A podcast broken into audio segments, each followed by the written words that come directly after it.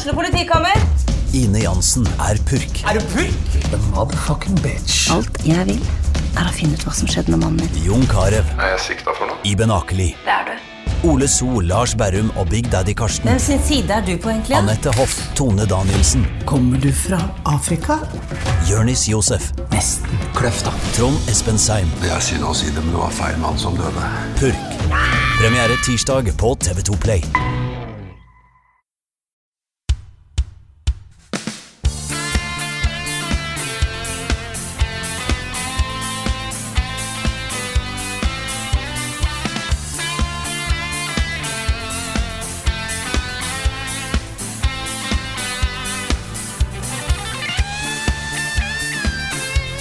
Og velkommen til en ny episode av podkasten Level Backup med meg, Frida Landmo. Og med meg i dag har jeg den så langt fortsatt tittelløse Rune Fjell Olsen.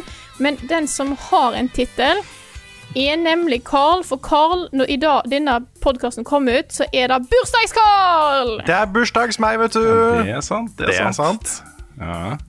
Vi skal jo streame i natt og, Ja. og få med oss Nintendo-ting. Og akkurat når den Nintendo Directen begynner i natt, så har jeg bursdag. Ja, det er helt sant. Det er helt sant. Så det er egentlig bare skalkeskjul for å ha bursdagsstream. Ja.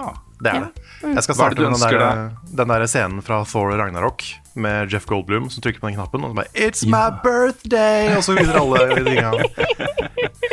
Men du, Carl, hva er det du ønsker deg aller mest? Det får vi vite snart, da, om du får oppfylt eh, ønsket ditt. Men uh, Ja. hva er det du ønsker deg aller mest fra Nintendo i natt? Hva jeg ønsker meg aller mest fra Nintendo i natt, det er Som jo bursdagsgave. Som bursdagsgave. Det er jo uh, Mother-treet. Ja. som det alltid er. Men det får jeg jo ikke. Så um, utenom det Sora i Smash er kult. Og så er det jo liksom releasedato for Breath of the Wild 2. Det er de tre tingene, kanskje. ja. Derfor vi spiller inn dette på torsdag, eh, men vi sparer da liksom ukens hotteste spalten eh, til senere. Uh, Får med oss hva som skjer på Nintendo-pressekonferansen. Det er jo litt uh, That's how we roll. Vi prøver å gjøre det når vi har muligheten til det. Det er det. Ja, Hvis du det- hørte den introen her nå, og så tenkte at shit, da får vi ikke med oss Nintendo-nyhetene, men vi gjør det. Fordi vi Ja, venter vi med å spille inn den delen. Dette er nemlig podkasten som alltid kommer ut samme dag, nei, som vi alltid spiller inn samme dag som det alltid er pressekonferanser senere på kvelden. Fy fader, hvorfor er torsdager pressekonferansedagen? Nei, det skjer alltid noe på torsdager. Det Ja. Jeg, jeg tror, altså, eh, teori da, fordi fredager er som regel ganske rolige for mange. Også på fredager så mm, forbereder folk seg til helg, og det er litt roligere. Folk har ikke lyst til å sette, legge masse, masse møter til fredager og sånne ting. Eh, og da har de jo tid til å dekke de store pressekonferansene rundt omkring, da, ikke sant, og lage litt hype Og, Og så har, Kanskje, jeg vet ikke. og så har folk tid til å få det med seg, for på fredag er sånn åh, OK, la meg bare ta og dobbeltsjekke alle nettaviser. Bare sånn, å ja, så det var den nyheten, ja.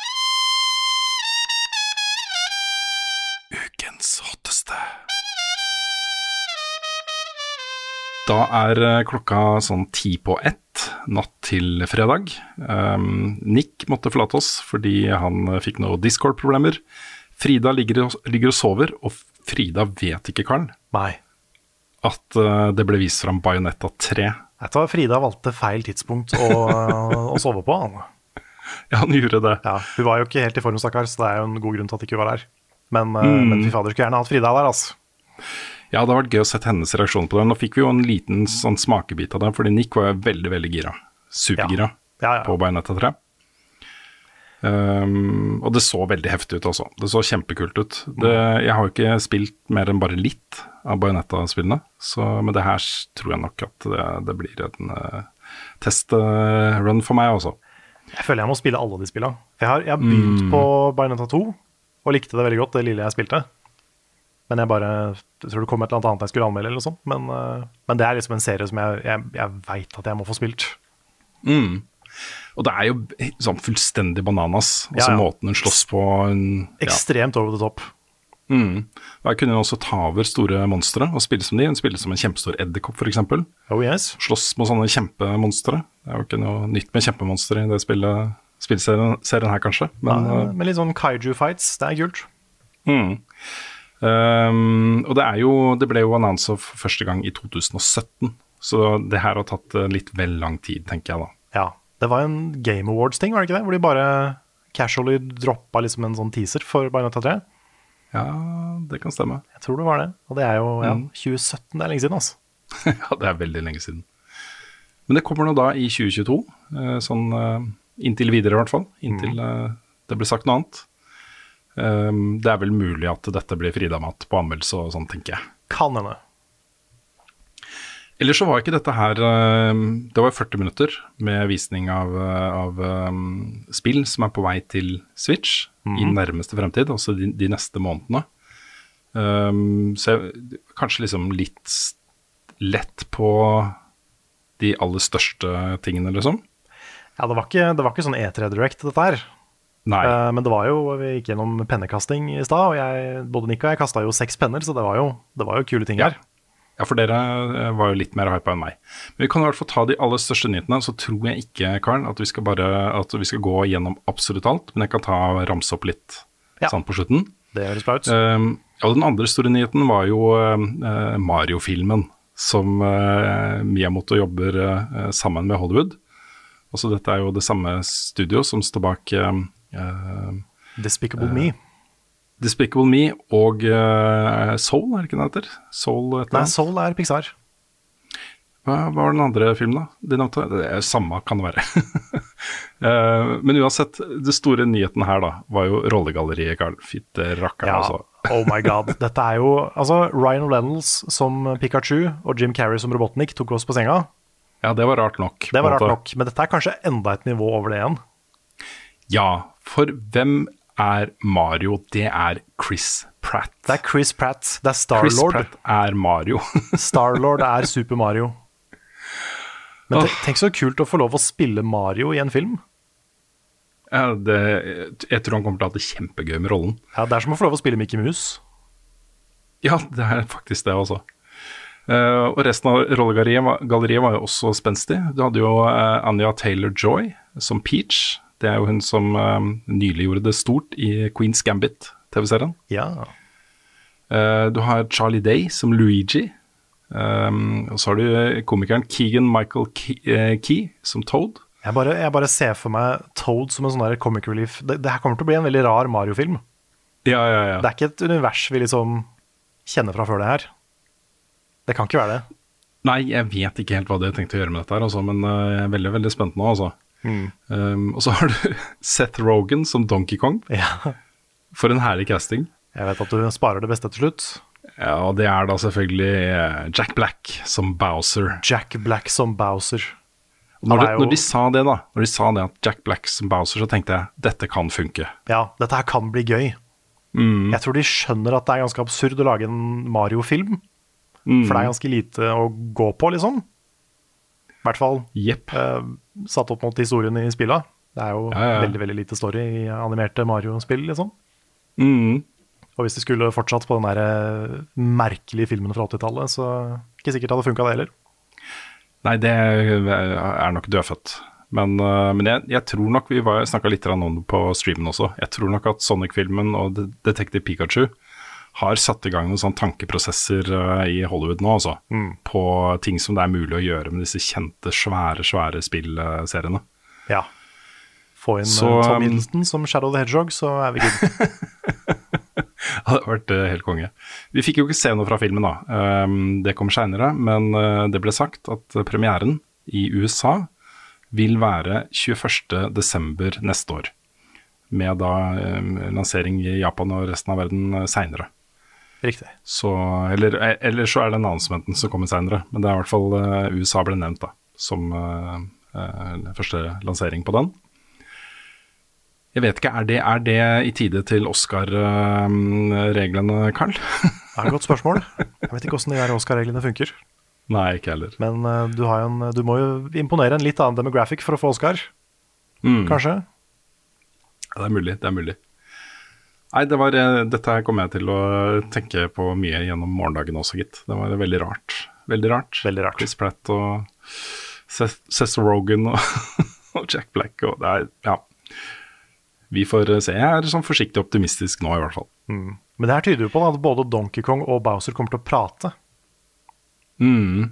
Det er jo spesielt. Ja, på den annen side så har du jo Groot, da. Ja, det er sant. Det er ikke sikkert det er garantert, nei. Nei. Ha. Det tror jeg sønnen min ramla ut av senga, men uh, vi fortsetter. Han hørte at Mario-filmen, vet du. Ja, han ble gira, han også. Ja. Så fikk vi da se masse nytt fra Splatoon 3. Uh, og det nye her var jo announcementen om at det vil bli inkludert en svær singleplayer-campaign som heter Return of the Mamma- Mammalians Stemmer. med det spillet. Uh, og der er jo datoen fortsatt bare 2022. Ehm, den siste store nyheten, nyheten var jo at uh, det kommer nå Nintendo 64 og Sega Genesis-spill til uh, et nytt abonnement, uh, også en add-on til Nint Nintendo Switch Online-abonnementet. Stemmer. Så, så den er jo ganske rimelig nå, det er ikke 30 kroner i måneden eller noe sånt. Det er i hvert fall ikke mye, men det, er, eh, det blir jo da litt mer i måneden hvis du skal ha med Nintendo 64 og Sega Mega Drive Emulation. Mm. Og til dette her så blir det også gitt ut av eh, trådløse kontrollere. Både en eh, Nintendo 64-kontroller og en Sega Genesis-kontroller til alle disse spillene. De var dyre. Det var jo en ja, 50 dollar, Mm. som fort blir liksom 600-700 kroner i Norge, tenker jeg. Sant. Så, så dette er eh, kostbar retro, men det er jo flott da også å se den lineupen med Nintendo 64-spill og eh, Sega Genesis-spill. Mm. Du hadde jo Sonic 2, du hadde eh, Super Mario eh, 64, Ocarina of Time Ocarina of Time. Paper de Mario at- kom etter hvert. Ja, sant det.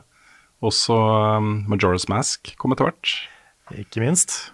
Mm. Nei, det var mye, det var, jeg syns utvalget på 64 var ganske bra. I hvert fall ble ganske bra med de Coming Soon-spilla. Ja, det er sant. Um, Megadrive-utvalget var litt mer sånn tilfeldig, føltes det som. Mm. Det var en del slagere de kunne hatt med der, men uh, det fins andre måter å spille dem på. Det er eh, sant.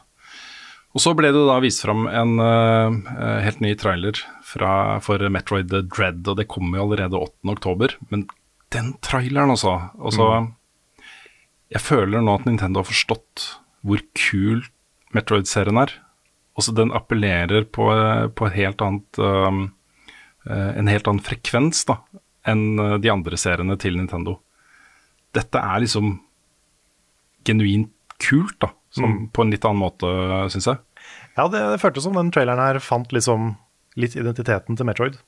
Mm, den gjorde det, og det Jeg er veldig, veldig gira på det spillet også. Så um, uh, ja. Bare et par uker til det kommer. til å spille. Det er ikke lenge til. To uker. Det blir uh, bra. Og så har jeg satt opp som den siste på en måte store slash semistore nyheten Sjokobo Chocobo G GP. Ja, det var kanskje GP. litt av meg at du satte opp den der.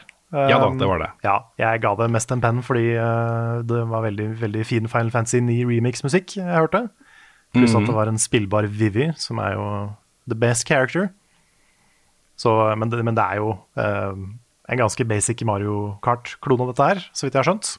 Det kom Mhm. et Chocobo Racing på, på PlayStation 1 for lenge siden. Jeg er litt usikker på om det kom ut noen flere. Men Ja. ja, men ja Final Fantasy Kart, det, det er gøy. Det er gøy. Jeg eh, hoppa jo elegant over, eh, det, det står der, men eh, Kirby and the Forgotten Land, selvfølgelig. Of course. Det neste store 3D-plattformspillet til eh, Nintendo. Ja, et 3D Kirby-spill, og det er veldig, veldig lenge siden. Mm. Det så kjempebra ut. De gjorde det også. Det er, men det er liksom, dette er- forventer jeg da, av de store eh, platt, plattformspillene til Nintendo.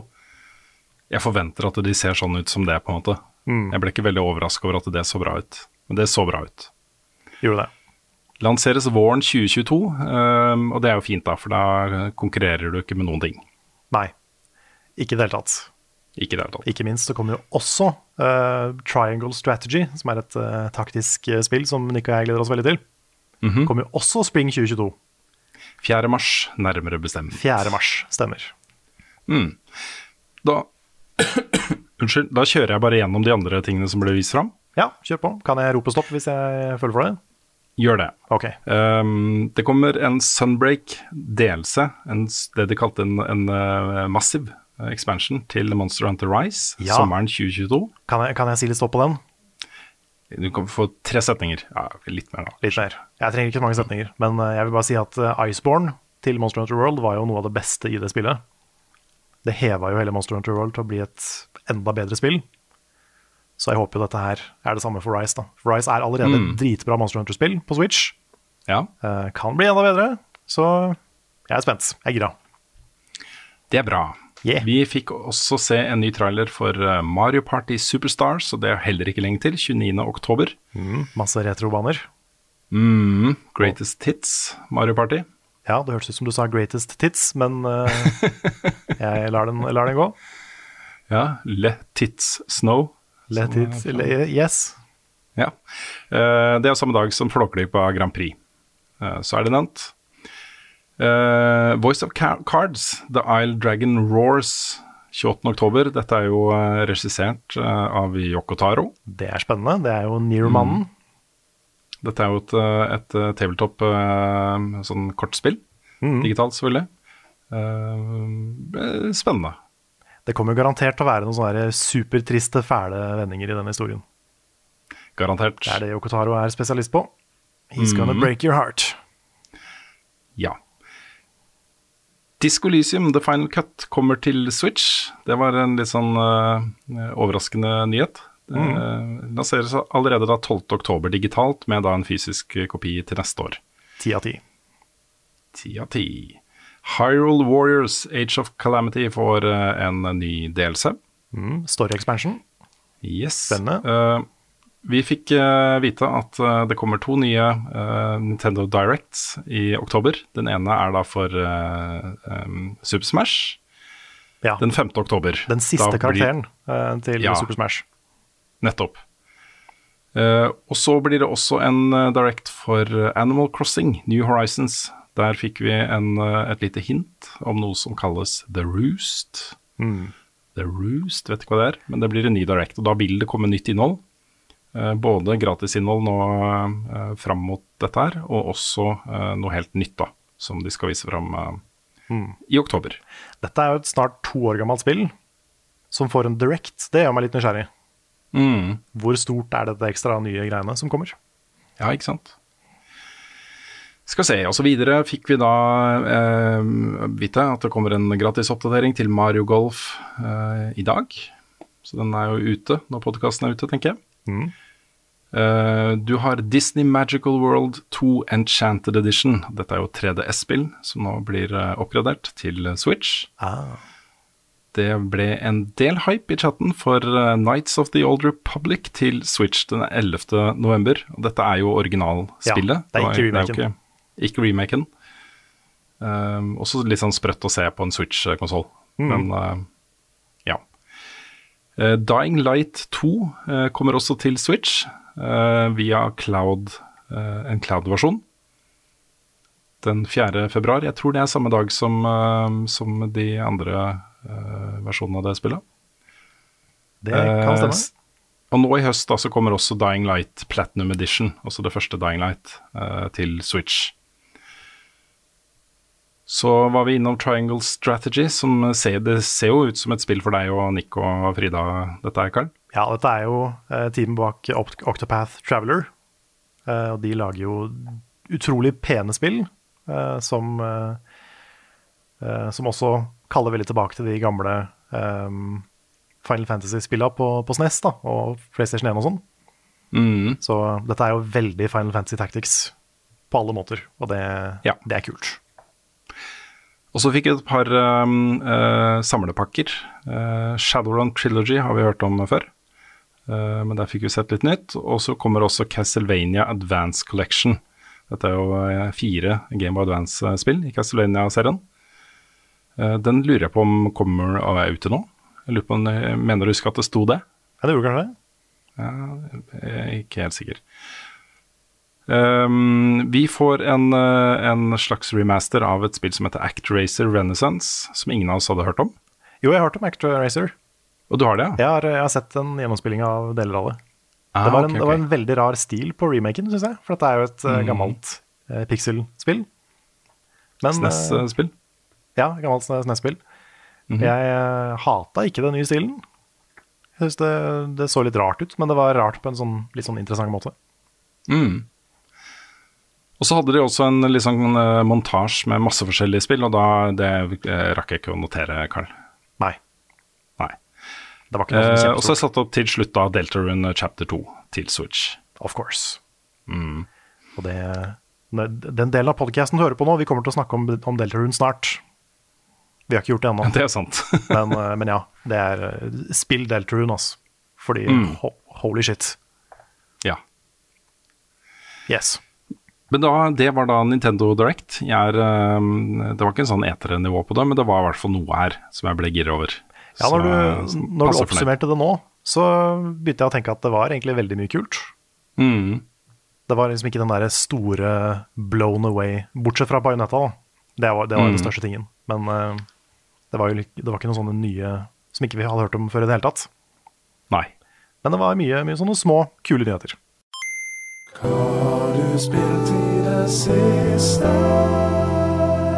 Og vi starter denne Hva vi har spilt i det siste spalten med et spørsmål. Det er fra Kristoffer Gettoboys Hansen, som spør Er Kena så magisk som det ser ut til å være. Ja, Ja. Hmm. ja. Ja, dere sier ja, jeg sier nei. du gjør du det. nei? ja, jeg gjør det, altså. Ja. What? Eh, da vil jeg spørre deg, Rune, hvor langt har du spilt?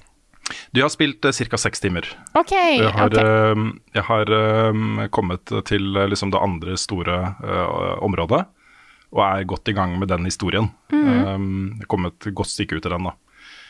Så, og det, det som Altså, det er ikke et dårlig spill, jeg misforstår meg rett, liksom. Eh, men eh, jeg tar meg selv i å, å kjede meg litt også. Jeg gjør Ja. det. Jeg skjønner hvor du kommer fra. Eh, for i starten, de første timene, så syns jeg dette her var litt tamt. Jeg eh, syns det var en del ting jeg hadde sett før, og klarte ikke helt å på en måte få eh, Føle på den der magien, da. Mm. Men vet du hva? Da spillet syns jeg bare blir bedre og bedre. Mm. Jeg er sånn åtte-ti timer ute i det nå. Og det har noen av de kuleste bossfights jeg har vært med på i år. Og det er ikke tull. Nei, de er utrolig kule, og det er um, et, et lite problem jeg har med spillet, er egentlig det, da, fordi um, jeg, I starten var det ganske treigt for meg også. Jeg var sånn Ja, dette var litt tamt. Um, og så begynte jeg liksom å kose meg litt, og så tenkte jeg ja, dette her faktisk også uh, Si er du 10-11-12 år gammel, er dette perfekt sånn kosespill, liksom? Et veldig, veldig bra uh, sånn familiespill, da. Og så kom disse bosskampene, og de er pinadø ikke lette, altså. Ah, de er super hardcore. Det er ikke noe tull, nei. Nei. Det er sant. Så da, da ble jeg sånn Ja, det her var kanskje litt sånn der uh, kulturkrasj i uh, spill-design-filosofi. Uh, kanskje dette spillet egentlig er mynta på meg allikevel. Og da var jeg, litt sånn eh, um, Jeg har liksom sånn Ratchet Clank for eksempel, nye friskt i minnet, og dette er jo på en måte nøyaktig samme sjanger da, som det. Eh, og der kjeda jeg meg ikke et sekund, liksom. Men her er det litt Det er litt Det minner meg veldig om PlayStation 2 uh, 3D Action Adventure-spill-æraen. Uh, de første Ratchet Clank-spillene, eh, Jack and Daxter, det første Jack and Daxter-spillet, hvor dette kunne ha vært et PlayStation 2-spill i spilldesign. da. Eh, måten de har bygd opp ting på. Men det ser jo vanvittig lekkert ut. Også det er jo uh, en slags krysning av det. da. Jack and Daxter, The, The Precursory Legacy og moderne Pixar-filmer, på en måte. Ja, for jeg, jeg skjønner hva du mener med at det er litt sånn jank. Kanskje litt sånn indie-jank, på en måte. At du merker at teamet er ikke Det er ikke God of War-størrelse på dette her, liksom. Nei. Men for meg så er uh, gameplay-biten liksom akkurat bra nok til at ikke den plager meg, at ikke det gjør noe. Så langt. Jeg har ikke kommet like langt som dere. Jeg har, jeg har kommet til første boss etter bua. Ja, Så jeg har spilt et et par timer, tror jeg. Um, men jeg liker det veldig godt så langt. Enig i at det var litt uh, treigt i starten. Den bua hjalp veldig for meg. Ja, ja, herregud. Eh, Da fikk jeg den der Leviathan Axe-følelsen nesten av å bruke den. Mm.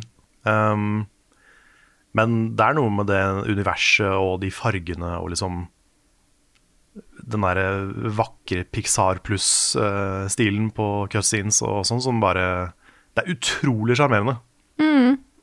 Sånn, Jeg- den, den verden her er sånn Den blir jeg ganske fort glad i, liksom. Så den delen av spillet liker jeg veldig, veldig godt. Ja, for jeg syns at spillet ser veldig fint ut, og jeg er enig i at uh, en del av disse her puzzle-utfordringene, som i hvert fall er i starten, er, er litt tamme. Jeg syns det kom seg veldig i, i den området nummer to som du har begynt på, Rune.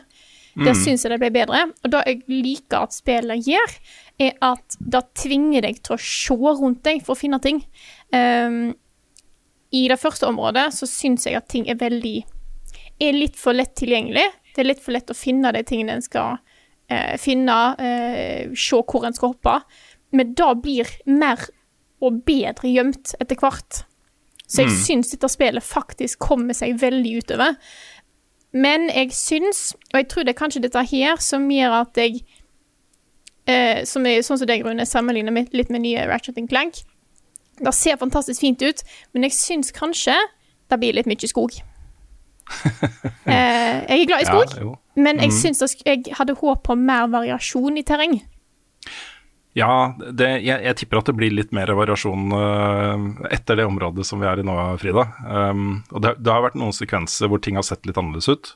Hvor alt står i flammer, f.eks. Det var en veldig stilig sekvens. Ja. Um, og huler og, og sånne ting. Så det, det blir nok litt mer variasjon. Jeg er veldig spent på hva som skjer når man kommer opp på det fjellet. Og så må jeg også legge til at jeg har jo ikke spilt gjennom det spillet ennå, og derfor så har jeg heller ikke anmeldt det. Og jeg er såpass usikker på hva jeg egentlig syns om det spillet, at, øh, at jeg kommer ikke til å lage en anmeldelse før jeg har spilt helt gjennom, da.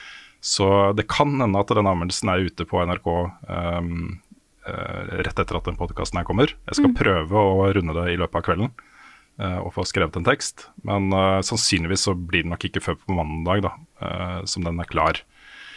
For dette er Altså, jeg vipper veldig, altså. Jeg syns absolutt ikke det er et dårlig spill og, og um, uh, kose meg, men jeg hadde liksom forventninger om at jeg skulle bli sterkere truffet, da.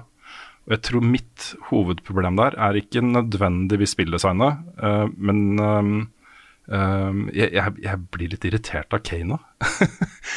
hun, er liksom, hun er liksom så Hun er bare spirit guide. That's it. Det er det hun er, og ingenting annet.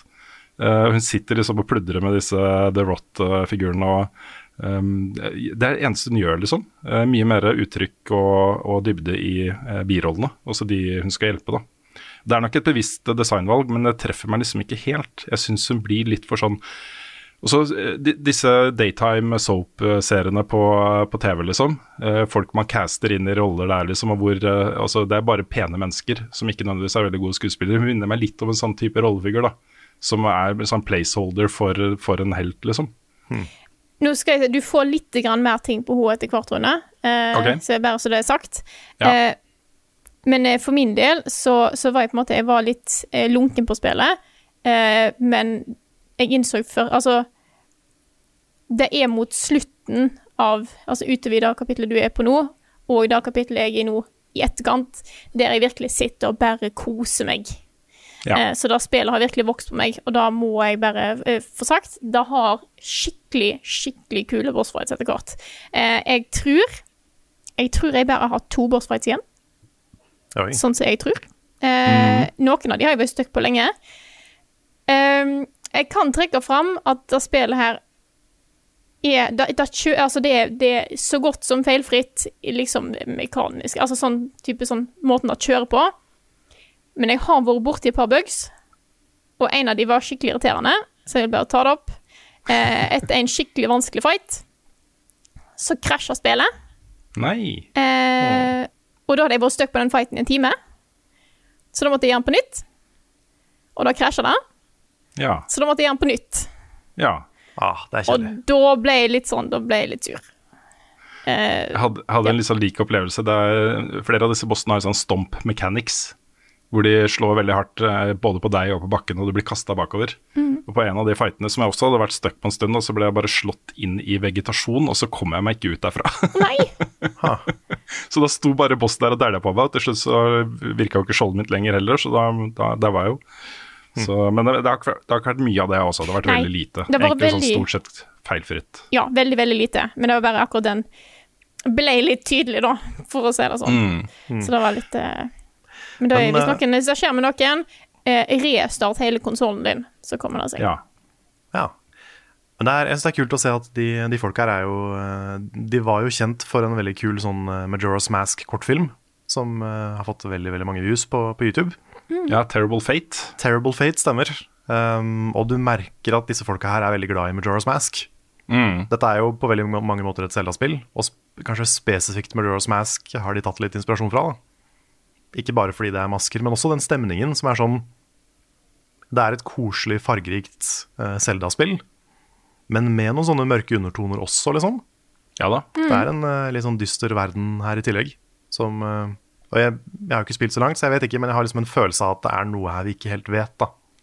At det er noe som foregår her som ikke, ikke har kommet fram ennå. Det er bare spekulasjon, det er ikke noen spoilers, men, eh, men jeg, bare, jeg fikk det inntrykket av starten på spillet. At her kommer vi inn i en verden for å fikse noe, og så har vi ikke kanskje helt Vi vet kanskje ikke helt hva som er gærent. Mm. Altså, jeg, Så det, det er jeg litt spent på. ja. Jeg tenkte bare å nevne at jeg, jeg nærmer meg ferdig, men jeg Og så skal jeg prøve å bli ferdig i kveld, eh, men jeg er opptatt og vekkreist. Jeg skal jo til Oslo. Det skal du. Bursdag. Yeah.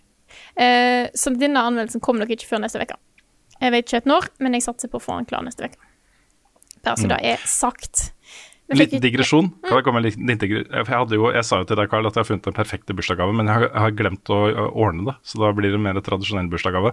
Ja. Jeg, hadde tenkt, jeg hadde tenkt til å få For det fins en sånn tjeneste hvor du kan få kjendiser til å sende gratulasjonsvideoer. Ja, Der er det Cameo, eller hva det er. Ja, Mimo eller noe sånt heter det. Å, ja, er det flere? Ja, det er kanskje flere, ja. Men der var det jo Paradise Hotel-deltakere, ikke sant. Oi. Og det koster sånn type 300-400 kroner, og det hadde vært så kult å bruke 400 kroner på at så sånn Wow. dere se eh, Paradise Hotel-kjendis sendte deg gratulasjonsvideo. det, er, det er jo noen år siden jeg har sett på Paradise nå, men, Ja. uh, men det altså Hvis liksom Magne fra Paradise så ja, for det måtte vært en mann. Det hadde vært veldig gøy. Det hadde vært veldig gøy. Ja. Jeg har, eh, jeg, har sånn, jeg har en sånn ironisk kjærlighet for Paradise som nesten bikker over i å ikke være ironisk lenger. Ja, for det, det, det jeg hadde sagt, da, eh, for du kan jo komme med instruksjoner til hva de skal si og, og sånt. Ja. Da vil jeg si at, eh, at eh, vennen min Carl Martin er veldig fan av Paradise Hotel og har lenge vurdert å liksom melde seg på som deltaker. Ja. Um, og han er spesielt fan av deg, da. Så om du har Beklager at ikke det ble da, for det hadde vært veldig morsomt. Det hadde vært veldig morsomt. Det hadde vært ja. veldig, veldig morsomt. Men det er ikke bare Kane, Ja. Vi har spilt som er nytt. Rune, du har jo spilt og anmeldt en av de andre store hotte nyhetene denne uka her. Ja, Sable? Sable. Dette er jo et spill jeg har hatt, uh, vært veldig spent på. Og jeg spilte jo Demon, som kom øh, i sommer, um, og ble da enda mer spent. Den demoen, øh, hvis folk har testa den, den er jo bare det første lille området. Og den avsluttes i det øyeblikket porten ut til den store, vide verden åpner seg. og Du kan reise ut og utforske det store kartet som er utenfor der. da.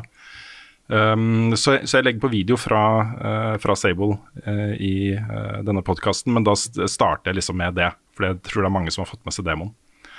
Og dette er jo et spill lagd også av også Kana. Bridge of Spirits er jo også starta som et tomannsprosjekt. Brødrene Mike og Josh Greer. Og dette er også starta som et tomannsprosjekt. Det er Daniel Feinberg og Gregorius Kither Kithreotis som uh, da starta dette selskapet Shedworks i hageskjulet til foreldrene til en av dem. Uh, og det starta jo med at de så uh, Star Wars The Force Awakens, og så da Ray fise rundt på uh, Jakku. Og så tenkte de liksom hva om hun aldri forlot den planeten? Hva om liksom aldri det plottet som kommer etterpå, blir noe av? Dette er liksom livet hennes. Um, og så begynte de å spinne videre ut fra det. Så dette er, jeg, jeg, jeg tror dette er en spillopplevelse som krever eh, en viss modus når du spiller, også en viss sånn forkjærlighet for eh, litt mer sånn Zen-lignende eh, spill som handler mer om opplevelser og reiser og utforsking enn faktisk gameplay. Eh, det er jeg ganske sikker på. Eh, for det er jo ikke noe konflikt her. Ikke noe skytevåpen eller eh, våpen av noe slag, eller slåssing eller kamper eller fighting eller noen sånne ting. da. Det er bare utforsking og uh, miljøpuzzles uh, som, uh, som man skal gjøre i dette spillet. I tillegg til da historiebiten. Det er veldig Så- Breath of the Wild minus combat. Ja, det er det også. For du har den bobla ikke sant, som kan sveve. Det er jo det som er, Hun er jo i et sånn slags sånn voksenrituale. Overgangen fra å være barn til voksen. Eh, og da får hun det som Hun blir en glider, og det kommer jo av at hun får tilgang til en sånn magisk gjenstand som gjør at hun kan flyte rundt i en sånn boble fra, høye, eh, fra høyder og, og sånne ting. da. Eh, pluss at hun får da en sånn hoverbike, som Ja. jo får et navn. Den heter Simon. Og det er jo hesten. pesten. Ikke sant. Så hun er jo på en måte Det er vennen hennes, det er reis, følgesvennene. Du kan rope på Simon, og da kommer Simon noen ganger. noen ganger ikke. Det er litt sånn bugs i, i spillet fortsatt, som jeg håper de får fiksa. Um, men jeg koste meg altså så utrolig mye med det spillet. Um, det var en uh, helt nydelig opplevelse. Og Jeg syns det er gøy å liksom kunne trekke fram da, at uh, mye av grunnen til at uh, det spillet er så bra, er jo norsk.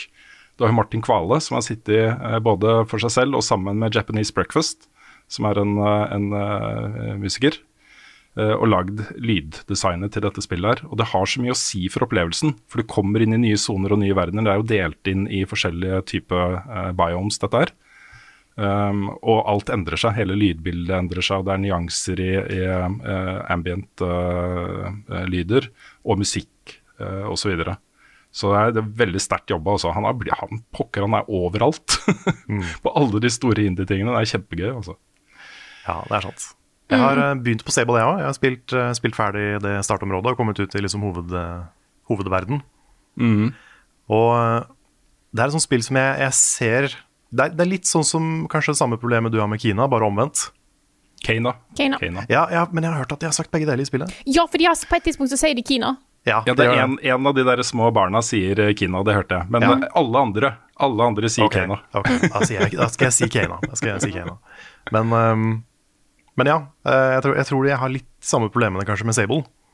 Med det at jeg er kanskje i litt feil modus potensielt når jeg spiller det.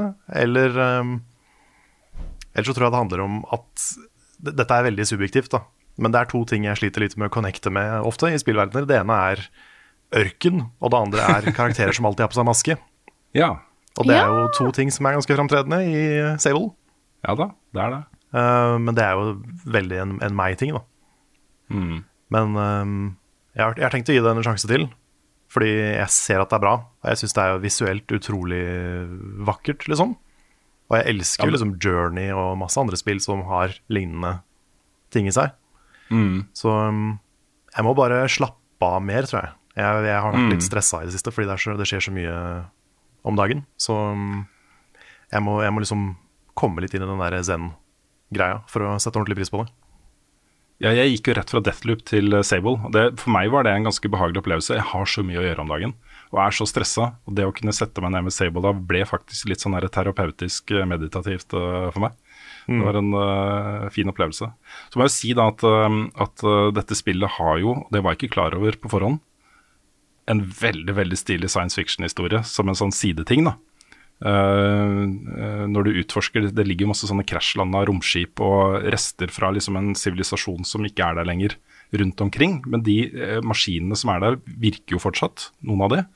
Uh, og det er også den teknologien som har, har vært utgangspunktet for disse hoverbikene og, og sånne ting også. da. Så de har på en måte scavenga litt teknologi fra noen de ikke helt vet hvem er. Det ligger bare alle disse skipene rundt omkring. Når du utforsker disse skipene og en del andre sånne type installasjoner da, fra den sivilisasjonen, så får du liksom bit for bit mer og mer law om hvem de var. Og den historien er sjukt spennende. Altså. Jeg elsker at den er fortalt bare som matter of factly, sånn understated. Ikke noe, ikke noe sånn eksplosive store avsløringer eller noe sånne ting. Det bare kommer som informasjon. Da. Så skapes det bare inni deg ikke sant? en sånn derre oh, wow, dette er kult.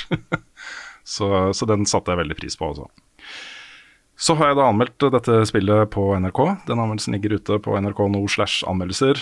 Jeg gir det terningkast fem, og jeg syns også den ene tingen jeg på en måte trekker for, i tillegg til at jeg også poengterer at dette ikke er bugfritt, eh, det er jo at disse oppgavene man skal løse, er litt for standard også. Eh, Det blir mye fetch quests, eh, og um, jeg har liksom en mistanke da, om at uh, um, ok, de har hatt en visjon om hva de skal lage, og så er det x antall personer, og dette kan vi få til innenfor den visjonen. Dette er sånn typisk sånn spill, tror jeg. Så hvis de hadde hatt en, uh, et litt større team, da, og lagt litt mer arbeid i hva man faktisk skal gjøre i spillet, og tenkt seg om noen ganger til og jobba litt mer med det, så kunne det blitt enda bedre. Og Jeg syns det, det er litt kjipt å liksom kritisere et spill som Sable for den tingen, fordi det føles litt som å også ta fra en, en baby eh, godteri, liksom, og så sparke ned sandslottet på stranda. og så Det er litt sånn derre Um, alt annet er så vakkert da, og flott og gjennomført og velfungerende. Så sitter jeg ja, det var ikke så gøy da å gå og hente den, eh, disse tingene og gjøre de oppgavene som er i spillet. Eh, Men, ikke men det er jo fair, da. Det er, altså, jeg tror du har helt rett at den visjonen til spillet er den der eh, følelsen av å kjøre på den der uh, flyvesykkelen din gjennom svære, åpne landskaper. Jeg tror det er Mm. liksom kjernen i spillet. Mm. Uh, og så har alt det andre vært en sånn ting de måtte finne på etterpå, kanskje. Mm. Men det er litt sånn du, du blir jo ikke fortalt noe særlig her. For eksempel altså, spilte jeg kom faktisk til rulleteksten. Um, eh, dette handler jo om Du skal jo finne ut hva Sable skal bli når hun blir stor. Og så hva, hva skal hennes rolle i livet være? Hva- Yrke, da. Hvilken jobb skal hun ta? Hva skal hun holde på med når hun er voksen, liksom? Eh, og til slutt i spillet så må du ta det valget, og det kommer fram tidlig, liksom. Altså Det er jo hele meningen med at du reiser ut, er jo det, liksom. Eh, Så, um, så jeg, jeg fikk til slutt muligheten, når du samler tre sånne badges fra de forskjellige tingene du tar uh, yrke fra, så kan du gå og få masken til det yrket, og så kan du gå og avslutte spillet hvis du vil. da. Så jeg, etter sånn ja, 12-13 timer ish, så gjorde jeg det. Uh, men så kan du bare ta continue da, etter rulleteksten og fortsette før, før det valget. Så jeg spilte en god del etterpå også. Um, men hva, hva var det jeg skulle si der? For pokker da, jeg var midt i et resonnement, og så begynte jeg med en svær digresjon. uh. Ja, ja, nei, den husker jeg ikke lenger. Men um, uh, Ja, det, det, never mind. Kommer sikkert tilbake til meg rett etter podkasten. Ja. Men det er, det er litt gøy da at eh, det nesten samtidig har kommet ut to spill som begge to er veldig inspirert av forskjellige Zelda-spill. Mm. eh, og som likevel er så forskjellige som spill, men Mm. samtidig har mange likhetstrekk. Og som det ene appellerer veldig til noen av oss, det andre appellerer veldig til andre av oss. Ja. Så det er litt, litt kult. Altså, dette var et poeng jeg hadde tenkt oss å gjøre mye mer ut av anmeldelsen min, men som jeg bare så vidt er innom. da. Men det ligger, ligger mat til en litt sånn større ting her. Fordi dette er jo utviklere som har vokst opp med Selda. Og som også har eh, altså det, det, det evigvarende spørsmålet. I 35 år så har folk liksom spurt hvorfor kan man ikke spille det som Selda i et spill som heter The Legend of Zelda. Uh, og Nintendo uh, har jo ikke gjort noe med det, liksom. Bortsett fra i fighting-spill og uh, sånne ting. da. Eh, dette føles da litt som et, eh, et svar på det, både Kana og Sable, hvor du har en kvinnelig hovedperson. Det er en, en, en kvinnelig link, liksom. Eh, Det er, dette er Selda. Nå kan du spille som Selda i et Zelda-lignende spill. Da. Jeg syns det er litt interessant, altså.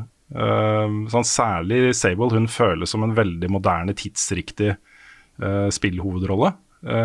Relaterbar til mange, tror jeg, og særlig da folk i starten av 20-åra eh, som, som har forlatt da, hjemmets uh, lune vrede for å finne ut hva de skal bli her i livet, på en måte. Uh, og det er uh, Jeg, jeg syns det er gøy å se, altså. At, at vi er, har kommet dit. Folk har vokst opp med liksom en viss type spill, og så bruker de det de har liksom in, internalisert fra sine opplevelser som barn, når de er spilldesignere. Det har vi sett ganske mange eksempler på de siste årene. Det syns jeg er kjempespennende. Altså. Og så må du ikke tro jeg har glemt, eh, glemt deg, Carl. Nei. Og meg, for så vidt. Fordi at forrige uke så kom jo en gigantisk eh, spillutgivelse. Det Plutselig kom, på det kom et sjokk. Vi snakka litt om det i forrige podkast, eh, men nå er altså Delta Rune kapittel 2 ute. Og jeg må eh, si det er ute, og det er gratis. Toby Fox har gått ut og sagt at eh, siste halvannet år har vært så dritt for folk at han tror at folk bare trenger et lite gratis spill. Eh, han, eh, planen var vel egentlig å gi ut del to til fem eh, samla, men det ville ta så lang tid. Men resten skulle visst komme samla og være betalt. Men nå er kapittel to ute, og jeg er kommet et godt stykke ut i det. Og du har vel fullført det, har du ikke det? Jeg er ferdig med det. Og vel så det, for å si det på den måten. Jeg har eh, spilt gjennom det. Og også gravd meg ned i, Reddit. Ja, for, For å- jeg bare, I dag det kom ut, så innså jeg at jeg hadde ikke tid til å spille alt på en gang. Så jeg har unsubba for Undertale-Redditen. Ja, For å ja det kan unngå være lurt. Det kan Mm. være lurt. Ja. I hvert fall fram til du får spilt ferdig. Fordi folk allerede har funnet så mye greier, og ganske store ting, som jeg ikke skal gå inn på hva er for noe. Eh, Det kan vi eventuelt gjøre i en spoilercast. Det blir en spoilercast. Det blir en spoilercast, det, det må det bli. Yep. Veldig spent på om Nick har hatt tid til å spille det. Ja, Nick har Eh. vært sjuk en god stund, bare fikk ser det at eh, Tenkte bare å nevne det. Eh, Mm. Så masse god bedring til Nick. Masse god bedring. Han var, han var i litt bedre form i går, heldigvis. Så jeg Ja, tror så det, går, det går bedre. Men eh, nei, jeg har, jeg har fordypa meg i disse, disse Reddit-greiene. Folk har funnet store, spennende ting. Uh, kanskje enda mer store, spennende ting enn det var i uh, kapittel én. Mhm. Um, men dette er jo uh, Akkurat som første kapittel, da, så er dette her et, en sånn ca. fire timer lang spilldemo. Så nå har du jo da åtte timer av et spill som er helt gratis. Og det er jo, de åtte timene er jo bedre enn det aller, aller, aller meste, mener jeg. Du har på en måte gameplay som er så friskt, og som, som på en måte shaker seg opp hvert femte minutt i, i det spillet. Det er så mye kreativitet. Herregud. Ja, det er en sånn eksplosjon av ideer, liksom. Hele tida. Det, det er så mye passion og så mye liksom oppfinnsomhet i hver, hver millimeter av det spillet. Og så har du et kampsystem som er smart og kult, og som gjør nye ting med en sjanger som jeg har spilt til døde i alle år. og du har dialog som er så skarp og så morsom og så bra. Og musikk som er helt amazing. Det er så mange bra, så mange bra musikktracks. Toby Fox er jo også en komponist. En veldig, veldig veldig flink komponist. Så det, det, det Deltarune har liksom alt jeg liker i spill. Det er helt fascinerende hvor mye Nå skal ikke jeg spoile noe eh, hva som skjer, eh, men jeg bare trekke fram eksempel et eksempel, da. Eh, du er ikke Jeg er aldri forberedt på noe som er Du kan ikke være forberedt på noe som helst, fordi at da tar en annen turn da du tror. På et tidspunkt så skulle du på en måte Du skulle bare gå en liten ekstra vei, og der bare dukker det opp en fyr fra et søppelspann. Og han er fullstendig gal. Og så har du et lite segment med, med det som skjer der, og så bare går du videre, og så fortsetter du på historien. What? I know. Nei, det, det, er sånne innslag, også alt betyr jo noe også. Ja, Det det jo det. for det er jo sjelden sånn at det bare er en one-off. Det er et eller annet hemmelig med den søppeldynga. Og så kanskje hvis du graver litt, så finner du det òg. Mhm. Ja. Så det er, det er så mange lag i dette her, da. Og så er det veldig gøy å spille det rett etter Tales of Arise. Jeg nevnte det så vidt i spilleuka denne uka her. At Tales of Arise er et supertradisjonelt JRPG, mens Deltarune er liksom helt bananas og bare gjør så mye gøy og så mye kreativt med sjangeren. Uh, og det Jeg er så klar for det, ass. Det er, jeg veldig, jeg syns jo Tales of Rise var gøy. Jeg ga det jo en sju av ti, liksom. Men uh, det friske pustet som kommer etterpå da, med Deltarune, det er uh, Det kan nesten ikke beskrives, ass. Jeg det er- det er helt annen eh, verden. For jeg har liksom ikke villet sjekke opp hvor langt det er, men det er egentlig fint å vite at det er ca. fire timer, for jeg er jo Jeg vil tippe tre timer uti. Mm. Da tror jeg kanskje jeg bare tar, den, eh, tar en time her, jeg, før, før jeg drar til Oslo. Må jeg bare få spilt ferdig. For da kan, vi, da kan jeg begynne å grave i subredditen etterpå. Det må du gjøre. Det er mye å grave i. Jeg er ikke overraska. allerede sittet i mange timer på YouTube og, og, og sett på dette her. Ja, nei, men jeg Altså, jeg har jo eh, eh, Før en sånn release, eh, så sitt, har jeg sittet og gledet meg til hva musikk hva all den nye musikken som skal inn på spillelista mi, og hva sinnssyke bukseteorier som, eh, som en skal jobbe med i lang tid framover. Mm. Jeg har så det er faktisk hørt spesielt. gjennom den forrige spoilercasten vår fra, Ja. fra episode 1. Og det er litt gøy å, å høre gjennom den nå, som jeg vet hva som skjer videre. Mm. For det Ja, jeg skal ikke si noe om hva som var feil eller riktig, eller noe sånt, men, øhm, men det var en del temaer som vi tok opp der, som liksom Kanskje, kanskje vi kan ta opp igjen i en ny spoilercast. Nice. Så det, det er gøy. Men jeg kan bare varmt anbefale Deltarune, altså. Spesielt, altså først og fremst da spille Undertale først. Ja, Fordi, du bør fordi egentlig det. det, er ikke sånn, det er ikke noen direkte connection. Ikke, ikke tydelig, i hvert fall. Det er en connection, men den er litt mystisk. Så det er vanskelig å si nøyaktig hvordan de to spillene er, eh, er, er i forhold til hverandre. Men, ehm, men det er nok best å spille Undertale først. Et av tidenes beste spill. Det er mitt all time favorittspill. Jeg vil anbefale å spille altså man, man må jo spille det som man vil, men jeg vil anbefale å spille en helt uh, pasifist-run først. Og så eventuelt, hvis man vil grave dypere, kan man også være evil etterpå. Men jeg, jeg klarer ikke det. Jeg er litt for glad i de karakterene. Um, men i hvert fall kanskje se seg opp på litt law, som man får vite i den der evil run. For det også kan hende blir relevant i Deltarune, for alt vi vet. Kult. Så det er, det, det er et rabbit hole som bare går dypere og dypere der. Og det er jo Undertale også har jo mange lag.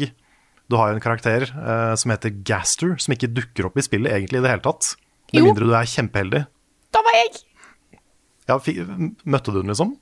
Nei, jeg, jeg vet ikke om jeg møtte han, men jeg fikk Gastro-nummeret som gjorde at jeg ble, fikk telefon, og møtte på disse shadow creatures som forteller om Gaster. Ja, ok, kult. Fordi eh, det er sånn én av 100 sjanse for en del av disse tinga når du starter en ny save. Hvis du får en av de da 100 random talla, så får du en av disse, disse Gaster-scenene. Eh, en av de så møter du en mann som, som folk tror er Gaster.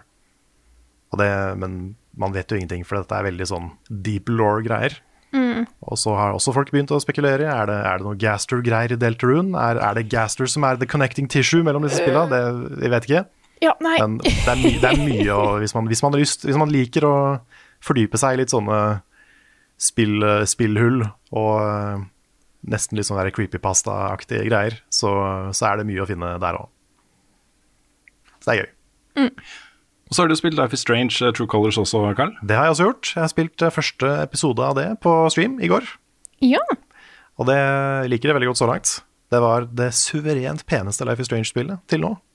Det har så imponerende ansiktsanimasjon satt opp mot de, de tidligere spilla. Ja, for det, det arbeidet med ansiktsanimasjoner eh, hjelper jo det spillkonseptet her voldsomt, syns jeg, da. For jeg var inne og kikka på en times tid. Um, jeg, Jeg bare, ser den første scenen Ikke sant? hvor alt er liksom Hele fokuset er på ansiktet til Alex, hovedpersonen. Og hvordan hun beveger øynene sine, og liksom alt det som kommer fram av følelser i det. da Mm. Det, det har mye å si, altså. Ja, særlig her. Dette er et spill som handler om å um, Altså, hun, kraften hennes er at hun er en empat. Hun kan på en måte se auraen til folk og uh, finne ut hva de tenker egentlig innerst inne og den type ting. Eh, og når du kombinerer det med liksom et mye mer uttrykksfylt ansikt i et uh, spill som handler om dialog og historiefortelling og den type ting, så blir det veldig effektfullt, altså. Jeg syns det var en utrolig sterk eh, kombo uh, av det jeg så, i hvert fall. Ja. Jeg har jo en plan om å spille gjennom hele spillet på stream. Jeg jeg merker at jeg glemmer litt for hver gang hvor rolige de Life is Strange-spillene er. De er veldig sånn lung lugne, og du har, sånne, du har sånne scener hvor du bare kan sette deg i en stol og bare basically vibe med spillet sånn i så mange minutter du vil. Mens, mens kameraet liksom sakte viser deg kule, kule bilder. Um, men det har et rolig tempo. Uh, det skjer jo dramatiske ting også, og det gjorde det også i går. Um, men jeg glemmer litt det tempoet. Altså jeg håper ikke det var liksom kjedelig å se det på stream. Uh, jeg har lyst til å fortsette å streame det, for jeg syns historien er veldig spennende. Men, eh, men ja. Bare spilt første episode, så jeg vet ikke hva som skjer. Men det ender jo selvfølgelig med en cliffhanger. Så jeg må fortsette å spille det veldig snart.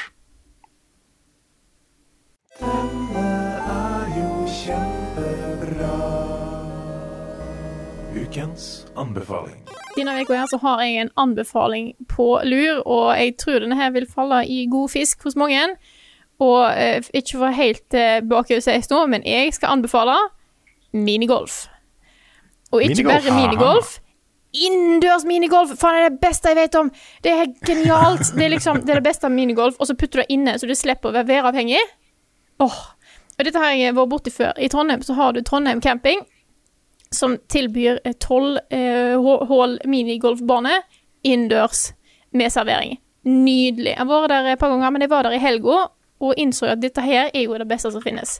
Og jeg vet det òg finnes i Oslo, og da må jeg spørre dere, hvorfor har ikke vi vært på Oslo camping og spilt minigolf? Nei, det må vi gjøre. Ja.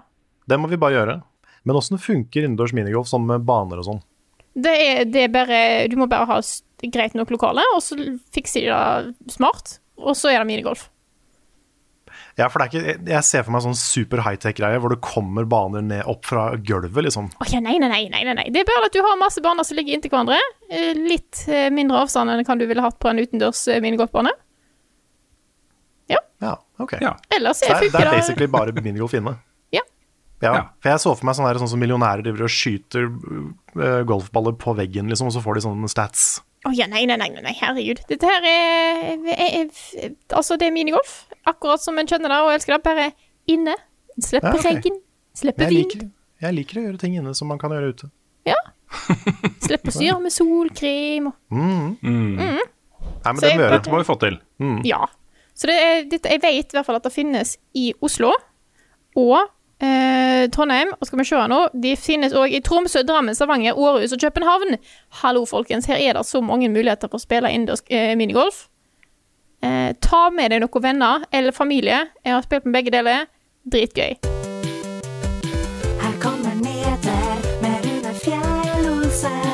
Og han har ikke hår.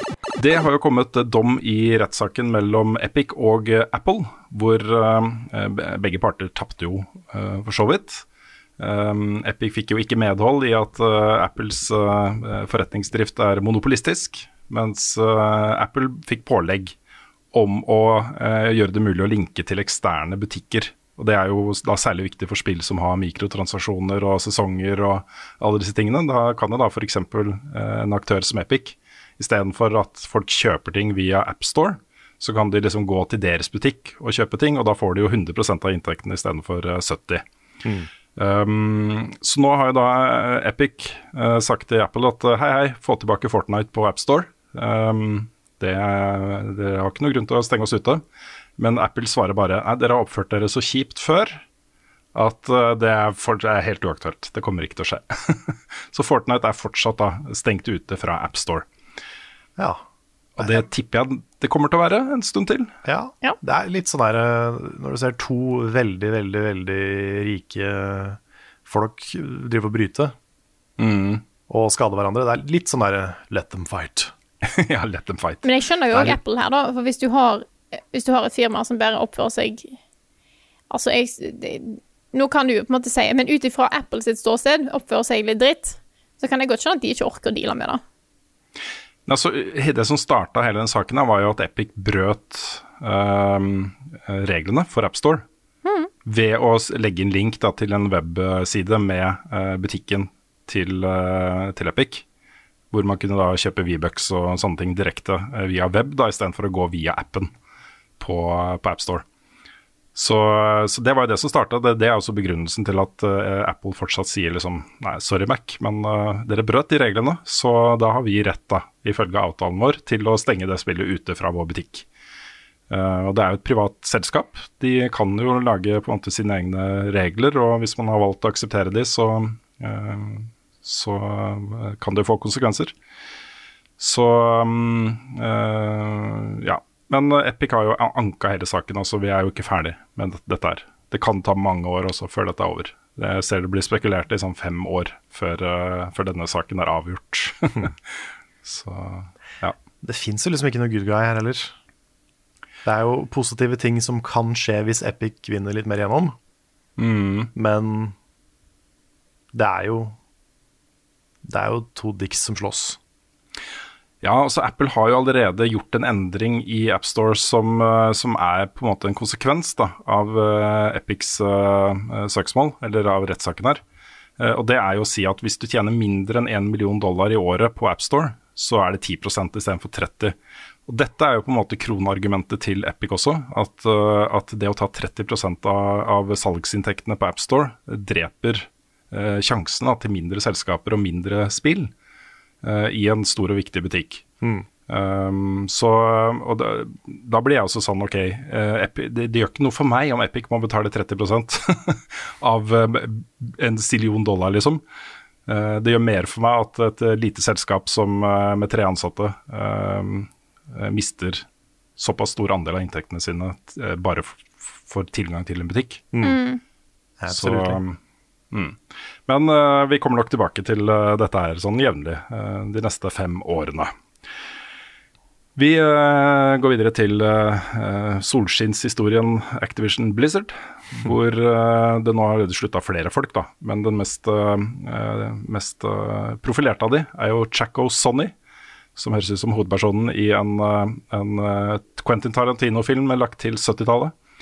Eh, han er nå executive producer av Overwatch 2, eh, og på en måte har eh, hatt ansvaret for å overse eh, utviklingen av det spillet. Han har valgt å slutte. Han har vært fem år i selskapet. eh, og eh, man får jo med en gang liksom sånn Hva har han gjort? hva har han gjort. Men det, alle bedyrer, da, alle de ansatte og alle som uttaler seg om saken, bedyrer at han er en av de, the good guys. Um, og det høres ut som han bare har fått nok, rett og slett. Ja. At han ikke orker, um, orker mer. Det er jo forståelig det òg, å se den stormen som er nå og tenke at jeg har ikke lyst til å assosiere meg med dette selskapet lenger. Nei. Uff, nei. Så ja, han er ikke den uh, første, og absolutt sannsynligvis heller da ikke den siste som, uh, som um, slutter nå. Det er jo det ene søksmålet og etterforskningen etter den andre. Nå er det jo uh, nye da, statlige organer i USA som har starta etterforskninger. eh, og kalt inn da Bobby Kotick, toppsjefen i hele skuta, eh, til, eh, til avhør. Eh, hvor da eh, svaret til Activision Blizzard er jo bare at vi stiller opp, vi gjør det som skal til, og målet er å lage eh, det beste, eh, den beste arbeidsplassen i verden for sp- spillutviklere. Så mm, de sier nå i hvert fall det. Dette er en nyhet som, eh, som jeg, så det ble mye glede rundt eh, på nett. Det er en gladsak. Eh, jeg trenger noen av de også. Nå kommer da Pokémon Trading Card Game til mobiltelefoner. og Dette er da spillet som kalles da TCG, Live. Um, det vil starte betatestingen på PC og Mac. jeg tror det var i Canada eller noe sånt, jeg husker ikke helt. Mot slutten av året, og så kommer det da til mobiltelefoner og alt mulig rart i løpet av neste år. Um, og dette er jo, Her kan du jo ta de fysiske kortene du har, og skanne de og få de inn digitalt. Um, og bygge en dekk da, som kan fungere på tvers. Også det er crossplay og alt mulig rart. Jeg tror dette her kan bli noe, altså. Jeg tror Ja, det kan bli noe ganske stort. Dette her kan bli kjempestort. Det ser bare hvordan Hearthstone eksploderte da det kom. Jeg skal ikke se bort fra at dette her kan eh, bli en ny, eller kanskje til og med overgå Hearthstone som, uh, i popularitet, hvis det, er, hvis det er bra, og hvis folk begynner å engasjere seg i det. Nei, det som er, eh, det som er eh, utfordringen, da, det er jo økonomien rundt dette. her, fordi uh, En ting er jo at du kan skanne de kortene du allerede har kjøpt, men det skapes jo et behov for nye kort her. eh, som du både kan kjøpe da digitalt, eller du kan vinne de gjennom challenges i spillet. Uh, og etter hvert bygge en dekk da, som, eh, som du er fornøyd med. Og um, så vet jeg ikke om dekk, forresten. Ett dekk. Ett dekk, sorry, sorry, sorry. Ja. Men så vet jeg jo ikke om Fordi i Hearthstone så er det jo mye sånn nerfing av kort og buffing av kort og endring av kort og sånt underveis, om de kommer til å gjøre det samme her. Det tviler jeg på. Om- Eh, Ja. Og til, eh, det jeg legger til grunn her, er MTG, Magic the Gathering. Mhm. Eh, der har de jo eh, Eneste de gjør, er at de sier at disse disse kortene ikke er tillatt i ulike format. Nettopp. Eh, at de, et, noen kort av og til blir banna fra noen format, men ingen fysiske kort blir endra på, så vidt jeg har fått med meg. Mm. Nei, jeg har ikke fulgt med nok på trading card game de siste åra. Jeg spilte det mye da jeg var eh, yngre. Men jeg har ikke fulgt med på de nyeste uh, de, de nye korta, eh, for å vite om det har skjedd noe power creep der. Men det skjer jo ofte det at liksom de lanserer nye kort, og da må de korta være bedre enn de forrige korta for at folk skal gidde å kjøpe de. Og så blir det en sånn her konstant buffing av kort, da. Mm. Og det blir jo dyrt i lengden. Det, det er jo sånn lootboxer fungerer også. Og sånne gacha-spill. Og så er jeg litt bekymra for utviklingen der også, fordi um, altså en ting er uh, uh, disse YouTube-folka og streamerne og sånn som åpner uh, Fifa uh, Fifa-kortpakker på stream. Og det sitter da en gjeng med gærne tolvåringer som uh, får så lyst på lootboxer. Og Messi og Ronaldo og alle de gode spillerne i Fifa. Du, du ser jo akkurat det samme på Pokémon-kort.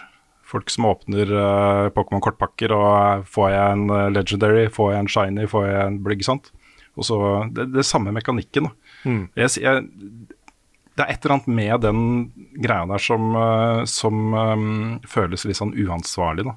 For jeg tror hovedtyngden av de som syns det er gøy å se på, eller i hvert fall potensielt, da, nok er ganske unge. Um, Ja, enten ganske unge eller sårbare for den der eh, adrenalineffekten som Mm. kommer av å få noe bra. mm, Og hvis du, hvis du først er sårbar for den, så kan du risikere å bruke veldig, veldig mye penger. Ja, det er, jeg syns det er litt skummelt, altså. Eh, Det er liksom å piske opp en, en sånn, eh, et kjøpsbehov eh, hos publikummet sitt. Det er litt, sånn, Som, litt som å se på noen skrape skraplodd, på en måte. Mm. Du får jo lyst på skraplåd av å gjøre det. Ja. Men jeg er litt spent på å se hvordan det går, dette. For TCG har jo vært det har jo vært etablert i så mange år, og da, på en måte, når det går til en digital plattform, eh, enten se hvordan det lever videre der, eller hvordan det utvikler seg med det, er egentlig litt, eh, er litt spennende. Mm.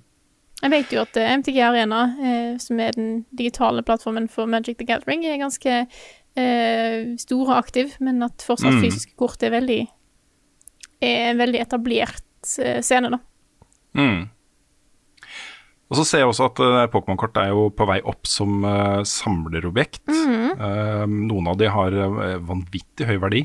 Jeg har sett noen av de store eh, streamerne driver liksom og eh, kjøper og selger kort da, og samlinger for millioner av kroner. Ja, det er jo helt tullete. Ja, det er, eh, det er ganske vilt, altså. Jeg så også et klipp av noen som kommer inn til det der programmet i USA hvor du kan gå til en, en sånn pawnshop og så få eh, selge ting, da. Heter. Ja, nettopp. Eh, Så kom da inn med et Pokémon-kort, og de skjønte jo ingenting av hva dette var. Og så viste det seg at dette er jo verdt liksom en million dollar eller noe sånt. Oi, såpass. Så, ja. Jeg har en uh, mappe med gamle Pokémon-kort from the 90s i hylla mi. Ja. Så, Gammel jeg shiny Charizard. Charizard. Jeg, vet ikke, jeg er ikke sikker på om jeg har shiny Charizard. Og så må de jo være det. i så god condition, sant. Det skal jo være Ja. mint. Det er nok Eller ikke vært så mye. Altså. Jeg tror ikke det. Men uh, har det gøy å kikke gjennom en gang. Mm. Og så fikk vi jo akkurat ikke med oss uh, den triste nyheten uh, i forrige episode om at sir Clive Sinclair er død. Han ble 81 år gammel. Dette er jo arkitekten bak ZX Spectrum. Eh, og også da, eh, før det, eh, ZX80 og ZX81. Så vi er på starten av 80-tallet. Uh, hjemmedatamaskinene begynte liksom å få litt plass i hjemmene til folk, og var, begynte å bli billige nok og avanserte nok til at man kunne gjøre greier på de, og da særlig ZX Spectrum ble jo en sånn derre um, arena for eksperimentering med spillmedie. Og så mange grunnkonsepter i spilldesign ble født der. Mange av de spilldesignerne som ble store utover 80-tallet og 90-tallet, starta der, og særlig britiske. da. Det ble jo en kjempestor ting i eh, Storbritannia.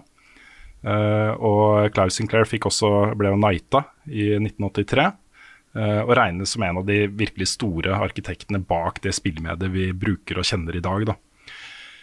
Så han, han ble jo da 81 år gammel og har, levd et langt liv. Nå er det jo også sånn at etter ZX Spectrum så kom det jo inn nye aktører, og han begynte å gjøre andre ting og osv.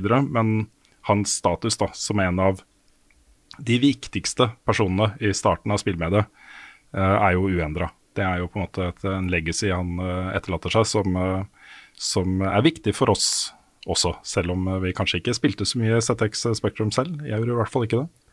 Nei, det Dere var vel ikke født? Nei, det var før min tid. Det, der. det var i hvert fall Mm. rett, rett før min tid var det.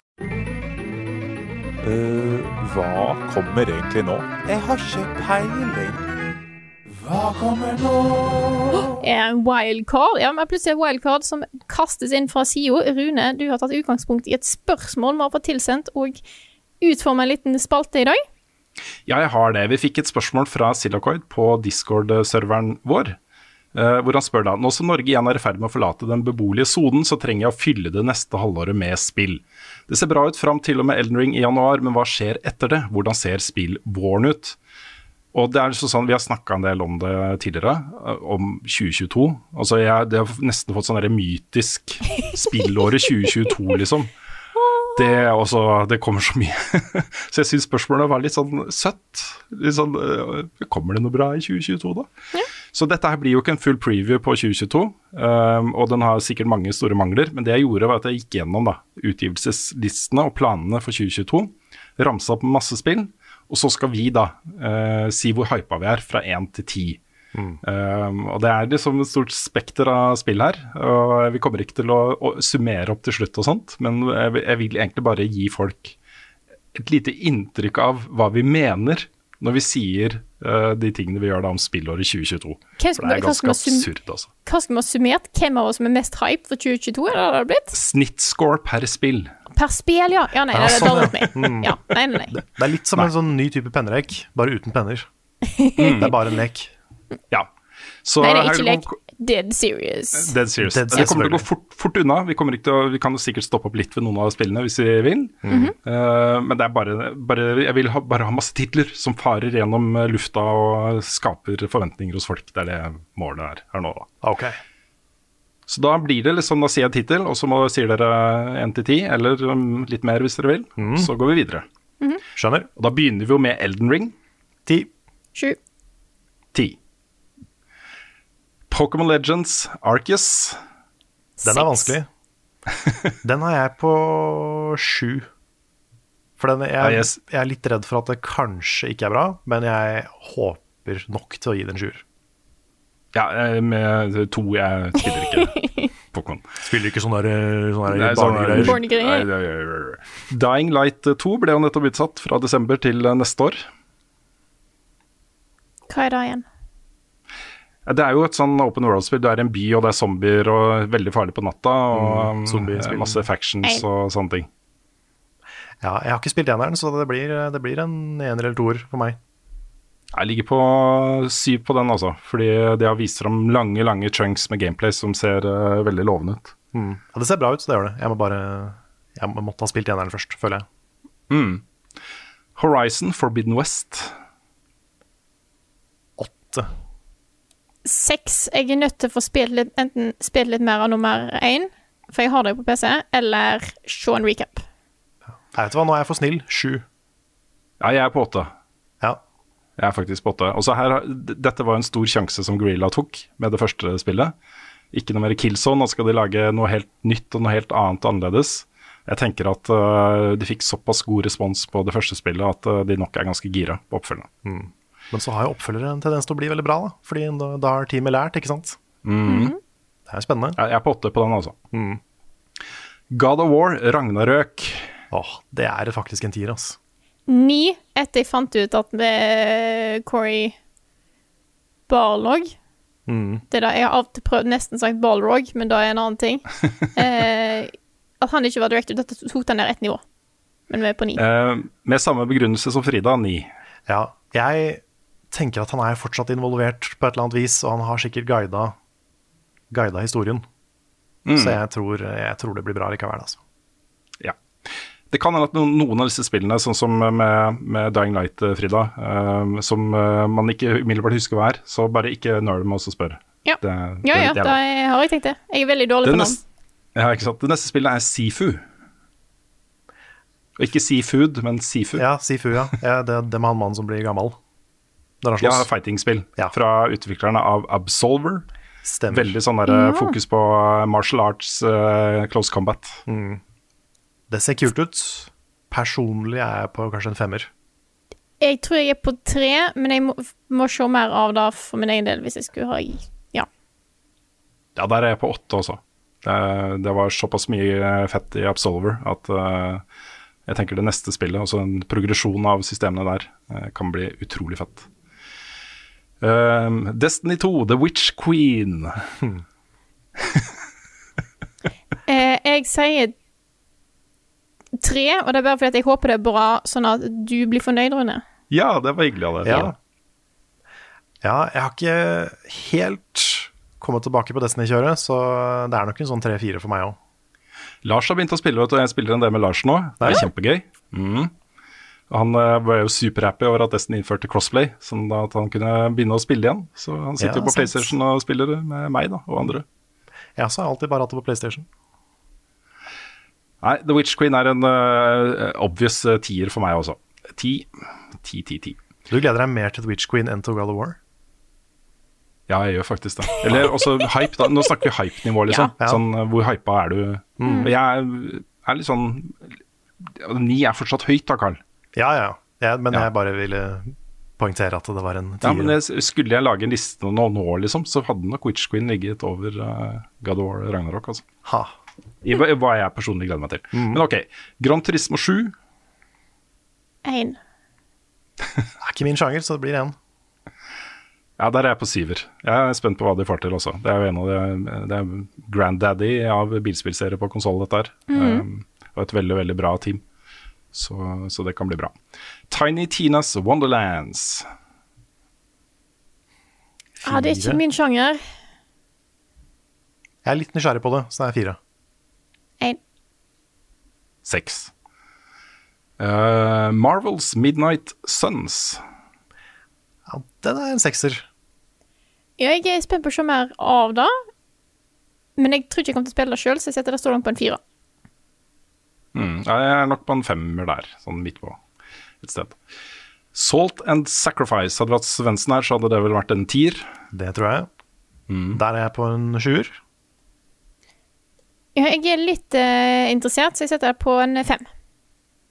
Ja, jeg er på sjuer med Carl, jeg. Det er, um, jeg har alltid hatt lyst til å spille uh, Salt and Sanctuary. Mm. 2D Souls. kommet, eh, Hm? Ja, ikke sant? Så jeg har ikke kommet eh, meg så langt ennå, så eh, kanskje jeg får en ny sjanse nå, da. Og her da, Den er jeg litt spent på hva dere tenker om. Stray. Hæ? Det er det ja. cyberpunk-spillet hvor du spiller som en katt. Ja! Ja. Ni! Utgitt av Anna Purna. ja. Jeg er sju på det nå. Jeg er på ni eh, der med deg, Frida. Det ser latterlig bra ut. Ja. Stalker 2. Var det det der Tsjernobyl Chernobyl eh, Ja. Ja, det der sjukt rare russiske greiene?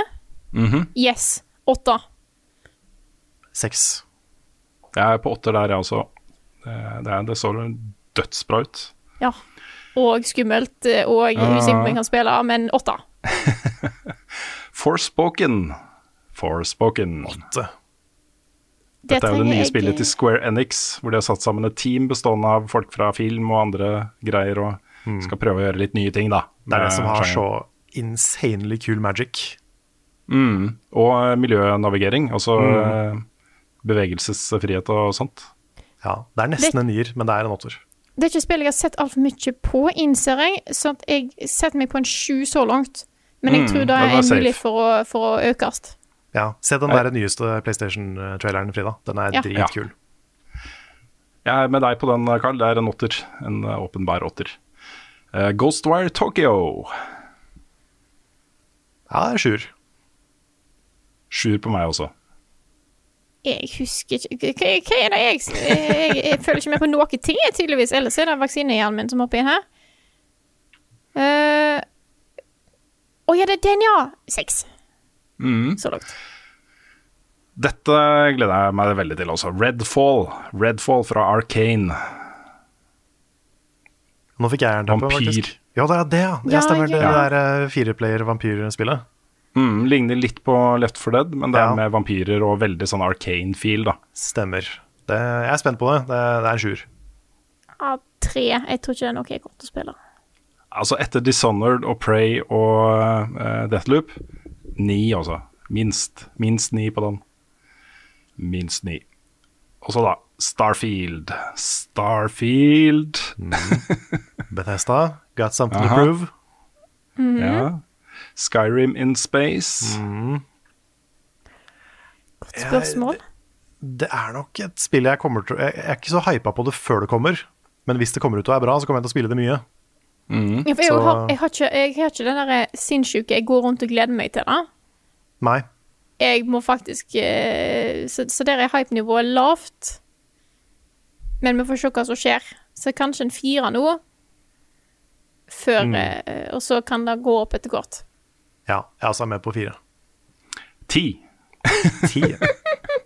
Ja, nei, men også Skyrim in space. Det høres jo Det, det er jo Ikke sant? Ja. Ja. Jeg, det, det er bare ett spill jeg gleder meg mer til neste år. Det er Elden Ring. Så den er jeg veldig gira på også. Uh, Track to Yomi. Hvis ikke dere husker det, så er det som å ta Kurosawa Mode fra uh, Ghost of Tsushima uh, i et litt mer sånn 2D uh, indie-spillopplevelse. Riktig. Ja. ja, det så kult ut. Jeg gir den en sekser, jeg.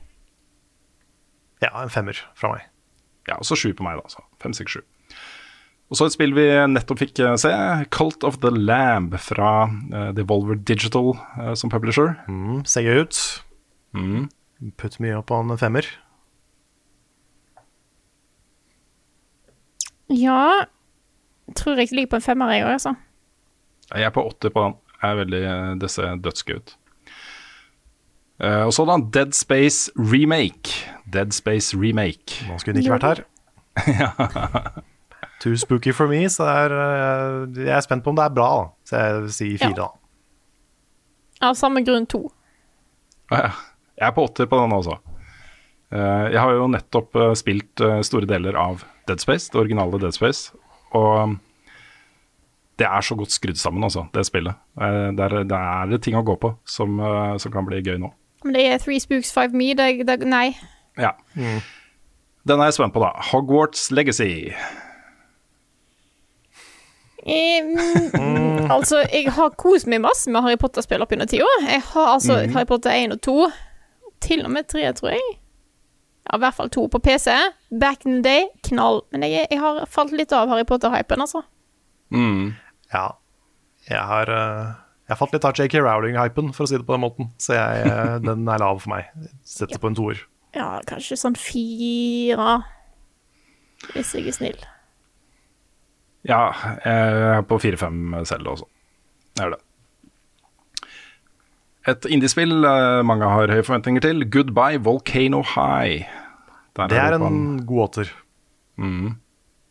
Her er du på amerikansk high school, og det er jo eh, dinosaurer som er rollefigurer, men de står oppreist og snakker og Jeg får Ja, ja. veldig sånn eh, 3D Night in the Woods-vibes. Mm. Så det er spennende. Ja, eh, ni. Det er yes, hype. Ja, jeg er faktisk på nier på den sjøl også, for det var et eller annet med de videoene som de har vist fram fra det spillet, og dialogen og Mm. rollefigurene, hvordan de kommuniserer med hverandre og, og sånt, som virka veldig sånn kompetent, altså. Det var et eller annet der som jeg syns var uh, veldig, veldig lovende. Mm. Eh, Overwatch 2. Som har mista to eh, lead designers eller directors, eller hva det er. Mm. Men han som slutta nå, da, han, eh, han sier at spillet er uh, i uh, siste fase av utvikling og ser bra ut. Ja. Det, kommer, det er et sånn Overwatch-event nå, enten nå til helgen eller neste helg, hvor de skulle vise fram mye mer da, fra spillet. Det går inn i rekka av spill jeg ikke har spilt fordi jeg ikke kan- klarer fysisk å spille det, og ikke helt min sjanger, så én. Ja. Så Overwatch er gøy, um, men det er ikke helt min sjanger heller. Også i tillegg så er det Blizzard. Er en, sett, sett en treer. ja, jeg har spilt en del Overwatch, men ikke så mye, og jeg er ikke helt liksom solgt på konseptet sånn i utgangspunktet. Og går, går ikke rundt og hyper. Husk at dette her er personlige, vårt personlige hypometer. Mm. Det er ikke, noe, ikke en indikasjon på hvor bra spillene blir og sånne ting. Og sånn som Overwatch 2, det Nick og Lars anmeldte jo det back in the day. Så det er vel eh, mest sannsynlig at eh, Nick tar denne også, tenker jeg, når det kommer. Men jeg er på en sånn, si fem, da. Eh, ja. Dette spillet her tror jeg kan bli kult også. Bomb Rush Cyberfunk. Det er jo for det første et herlig spillnavn, men det er jo også en spirituell uh, arvtaker til Jet Set Radio. Uh, også Ja, skating og grinding og, og sånne ting. Uh, utrolig kul visuell stil. Uh, der er det også en, en nordmann på teamet, Solveig. Som, eh, Stemmer. ja. Kult. Ja, den, den er jeg nysgjerrig på. Tar en femmer, da. Jeg er på fire. Jeg er på seks. Syv. Syv er jeg på. Syv. Det ser kjempekult ut. Resident Evil 4 remake. Fem. Det, dette er jo på en måte det, det spillet som alle har gått og venta på siden de begynte å gjøre remakes av de gamle Resident Evil-spillene. Hva kan de gjøre med Resident Evil 4? Men er det bekrefta for neste år? Jeg tror det. Eller jeg bekrefta mye av dette, er jo på sånn antagelser. Jeg gleder meg til å se andre spillere. da. fem. Jeg er på åtte på den. Um, Star Wars Jedi Fallen Order 2. Tre. Nå er vi vel over i ting som ikke er bekrefta i det hele tatt, er vi ikke det? Det, det har vel snakka om det? Jedi Fallen Det sto- Order 2? Ja, det sto, sto på lista. Jeg har aldri sett noe trailer for Jedi Fallen Order 2. Nei, De har jo bare sagt at de lager det. Skal vi se, da. Nå skal jeg google. Ja, dette er nytt for meg. Star Wars Jedi. Fallen Order 2. Ja, ok. Har du vært litt ivrig, eller er det eh, confirmed? Det er uh, Tittelen er eh, EA basically confirmed Star Wars Jedi Fallen Order 2, but Ah, Aha, basically confirmed. da trenger ikke Basically confirmed. vi vente Ja. litt med å spre ryktet. Ja, det er eh, det- står her, da. Flere sier at på den pressekonferansen som jeg hadde i sommer, så eh, mer eller mindre uh, uh, sa de at det, kommer en oppfølger. OK. Så ja. Ja. Hvis det kommer en oppfølger, så er jeg på en uh, åtter. Ja, jeg er også på en åtter på den. Stranger of Paradise, Final Fantasy. Og den er tricky. Fordi det er så mye kult der, og så er det så mye teit òg. For det var da det der at du spilte I'm Eller- gonna kill chaos. Ja. Chaos! Jeg er hype på å se hva i svarte det er for noe O5. ja, jeg er faktisk ganske hype på det, fordi det er jo Nio-time. Det ligner veldig på Nio. Enda mer på Souls enn det Nio gjør. Pluss at det er Final Fantasy 1-verden. Så det er potensielt veldig kult. Håper hovedpersonen er litt mer spennende enn det vi har sett så langt. At han sier noe annet enn chaos. Kaos. Chaos! Så eh, jeg er på en sterk sjuer. Ja. Skal vi se. Jeg må bare google en ting her. Uh, hvor, eh, hvorfor kommer ikke den opp? Jeg, jeg, jeg, har jo, jeg føler jeg har ikke helt oversikt over hva som kommer neste år, men jeg føler du fortsatt har Du har utelatt en av de større releasene til neste år, men jeg vet ikke om det er Ja, det kommer, Spar det til slutt. Ja, det kan at det kommer. Det kan at det kommer. Det er bare å Eh, nevne det. Ja, der var den. Um, Suicide Squad, Kill the Justice League fra Rocksteady. Stemmer. En sekser på den. Fem. Det er Rocksteady, da. Kanskje ned mot Ja. I hvert fall på en åtter. I hvert fall på en åtter, altså. Dette er jo eh, Arkham Asylum-folka. Eh, og i samme gate, Gotham Nights. Jeg har ikke havna sånn inn i disse spillene her, altså. Disse superheltspillene, må jeg innrømme. Nei, jeg har spilt Jeg har litt, litt over det, tror jeg. eh, litt av Arkham-spillene. Det er bra. Um, jeg vet ikke. Dette er jo liksom en ny, en ny start. Det kan slå begge veier. Mm. Det er ikke det at jeg ikke tror at det blir bra, det er bare at jeg tror ikke at jeg kommer til å spille det. Eh, Nei. Ja. Fem Seks på den. Fem. Fem. Ja. Um, Mario and Rabbits, Sparks of Hope. Det er en sjuer.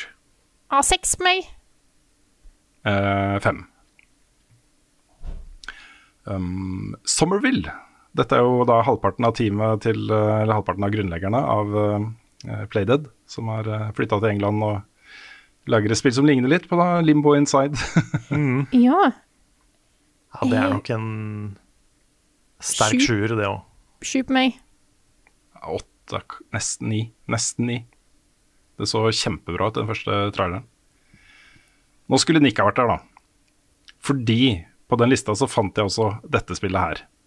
Made in Abyss, Binary Star Falling into Darkness. Oi. Jeg lurer liker var å si en- Nick her, for at jeg er jo enda lenger ned i Maiden Abyss enn han er. Og du er det, ja? Ja, ja, Ok. ja. Jeg har jo lest hele mangaen. Ikke, altså, ikke si at jeg Nick ikke er involvert. Jeg og Nick har hatt veldig gode diskusjoner med Maiden Abyss. Men jeg vet ikke om et spill er det jeg vil ha. Nei, fordi det er, jo det er derfor jeg tenkte på Nick, for han har jo spilt masse av disse spillene. Ja, Noen av de liker han veldig godt også. Det er jo mye mer nede i hans gata, egentlig. Jeg trekker Mm. tilbake igjen min uh, criticism, uh, Rune. ok, eh, det er akseptert. Eh, Ja, jeg, jeg, vi, vi ikke spille det spillet, så jeg er på to, liksom, men Nei, jeg, jeg tror ikke dette er noe for meg heller. nei. Nei, jeg tror ikke dette er noe for meg. Eh, jeg liker storyen. Jeg vil ha mer story, eh, ikke et spill. Eh, Nå, kan jeg prøve å være Nick i bare et lite sekund? Ja. What? Kommer det spill av Made in Abyss? Det har ikke jeg fått med meg! Var det, det var veldig likt Nick, var det ikke det? Ja, Jo, Nick. veldig bra. Så må du si sånn wow! Wow! Altså sånn tolv, Var det? eller noe sånt. Ja. Tolv. Ok, greit. Um, Avatar, Frontiers of Pandora. Ja, øh, fire. Ja Ja, fire. Ja, fem. Jeg sier fem, da, for å få litt, litt opp hype-nivået litt. Grann. Her forventer jeg høye tall fra opptil flere av oss. Planet of Lana. Ja, det er en åtter. Ja, jeg er på det. Jeg er også på åtte. Dette er jo et uh, svensk indiespill. Uh, sånne akvarellmalinger som uh, visuell stil og sånt ser latterlig lekkert ut. kommer jeg på enda mer på hva det er. Ni. Yes, ni. Mm. Og mye kule sånn design av rollefigurer og skapninger og sånt. Creepy greier som plutselig dukker opp. Yes, ni. Mm. A Plague Tale, Requiem. Oppfølgeren av A Plague Tale Innocence. Ja. Ja, Det sju der, tror jeg. Ja, jeg har det på sekser, men jeg har eh, installert det første spillet for å spille først.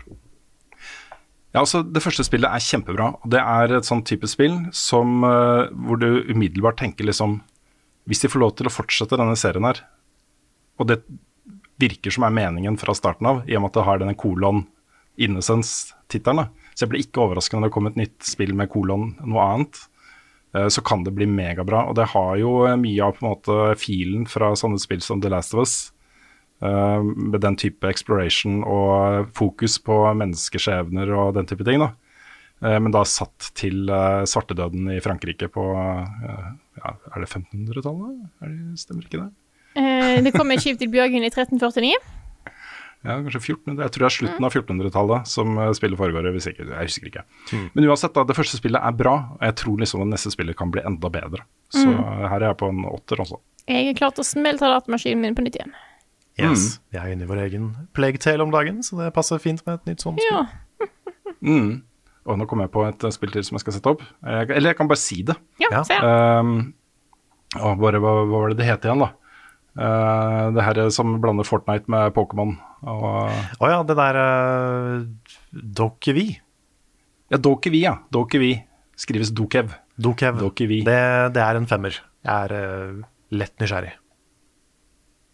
ja Jeg er på eh, syv på den, altså. Fem, jeg òg. Mm. Crimson Desert. Crimson oh, Desert. Det er, det er, Det er fra spill som ser ut som det utvikleren er av- alt. Ja, ikke sant. Utviklerne av Black Desert Online, som nå lager et action adventure-spill inspirert av alt fra Assassin's Creed til Dark Souls og alt mulig rart, liksom. Ja, sju.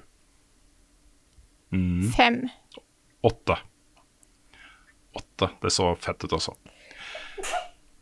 Det er noen eh, høyder her på slutten her, skjønner du. Ja, jeg er klar, jeg. Sp Splatoon 3. Eh, en solide åtte. Fem. Fem. The Legend of Zelda, Breath of the Wild 2. Ti. Hva, hva sa dere da? Det- Sa ti. Eller ti? Ti, ja. Ti, ja. ja. Jeg er også på tier der også. Hell Holy yeah. smoke. Hollow Night Silk Song. Ti. Sju. Ni. Og så to spill som faktisk kan ende opp med å komme ut i år også. Men det har ikke kommet noen datoer ennå, så jeg er ganske sikker på at vi snakker neste år. Uh, Little Devil Inside. Åh, jeg er hypa da, altså ni. Ja. Mm. Åtte. Jeg er også på ni på den, Frida. Det ser latterlig kult ut. Og så et spill som jeg har mast på om at den demoen her må dere bare teste. Og jeg tror det er liksom så uh, mange i vår redaksjon som kommer til å like det spillet her. Norco. N-O-R-C-O. Eh, det er et pek og klikk adventure-spill, uh, lagt noen år inn i framtiden, og foregår da i Altså Norco står for New Orleans uh, Refinery Company. Og så er det et oljeraffineri rett utenfor New Orleans, hvor det bor bare noen få tusen mennesker. Uh, og dette handler jo om da en person som kommer tilbake hit, og moren er forsvunnet og litt sånne ting. Eh, Veldig speisa og god historie, altså kjempegodt fortalt. Uh, litt sånn der, eh, overnaturlige vibber og sånt på toppen. Jeg har sett litt på det. Det er eh, sjuer foreløpig. Jeg er lett på nier der også. Lett på nier. Det var det jeg hadde satt opp. Var det noe jeg hadde glemt da, Frida? Nei, jeg tenkte på, jeg tenkte på Zelda. Jeg gjorde det. Ja, Ja. nettopp. nettopp. Men jeg har, eh, jeg har en siste en.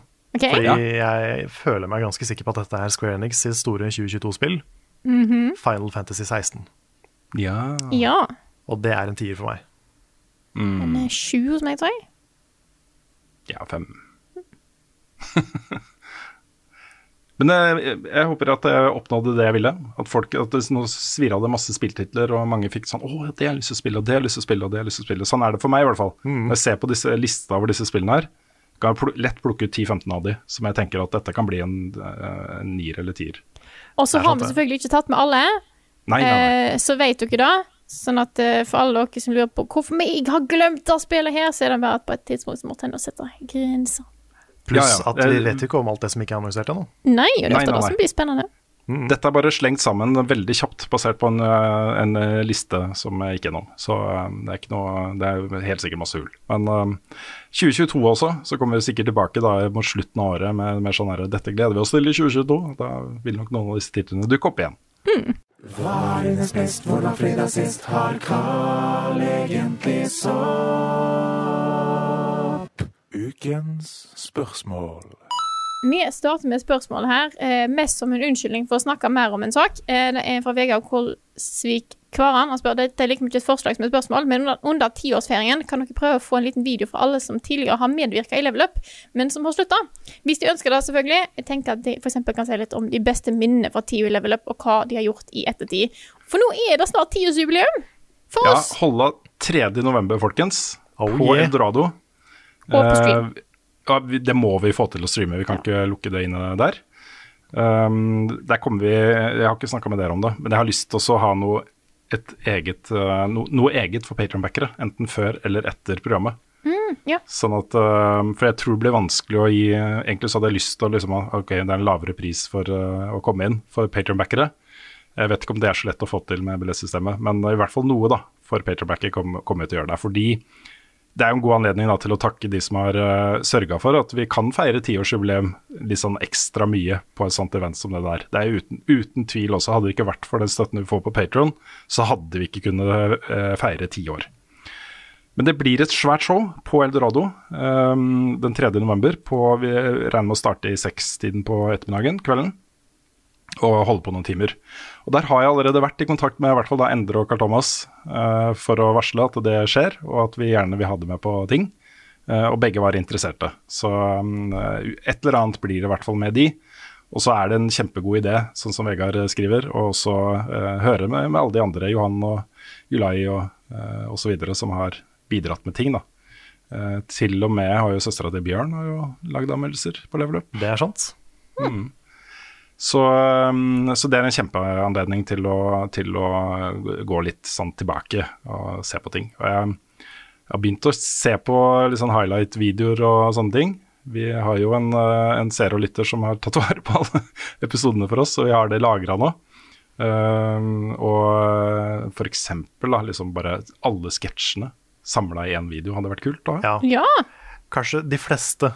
Ikke alle, alle. det er ikke alle som er like bra.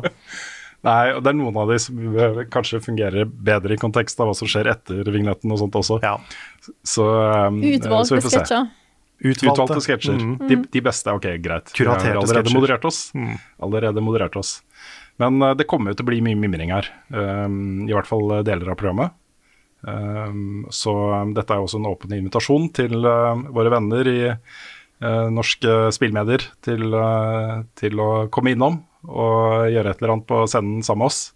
Så uh, vi skal planlegge dette godt også. Det kommer til å bli en skikkelig feiring. Jeg har begynt å tenke sånn, eh, Når man har jubileer og bursdagsfester og sånt i Hollywood, og sånt, du, så får man liksom inn Absolutt og sånn som sponsor. Sånn at det er gratis drikke hele kvelden og sånne ting. Jeg har begynt å tenke liksom sånn, da. Kan vi gjøre noe sånt? Eh, du har ikke lov til å bli sponsa av alkohol?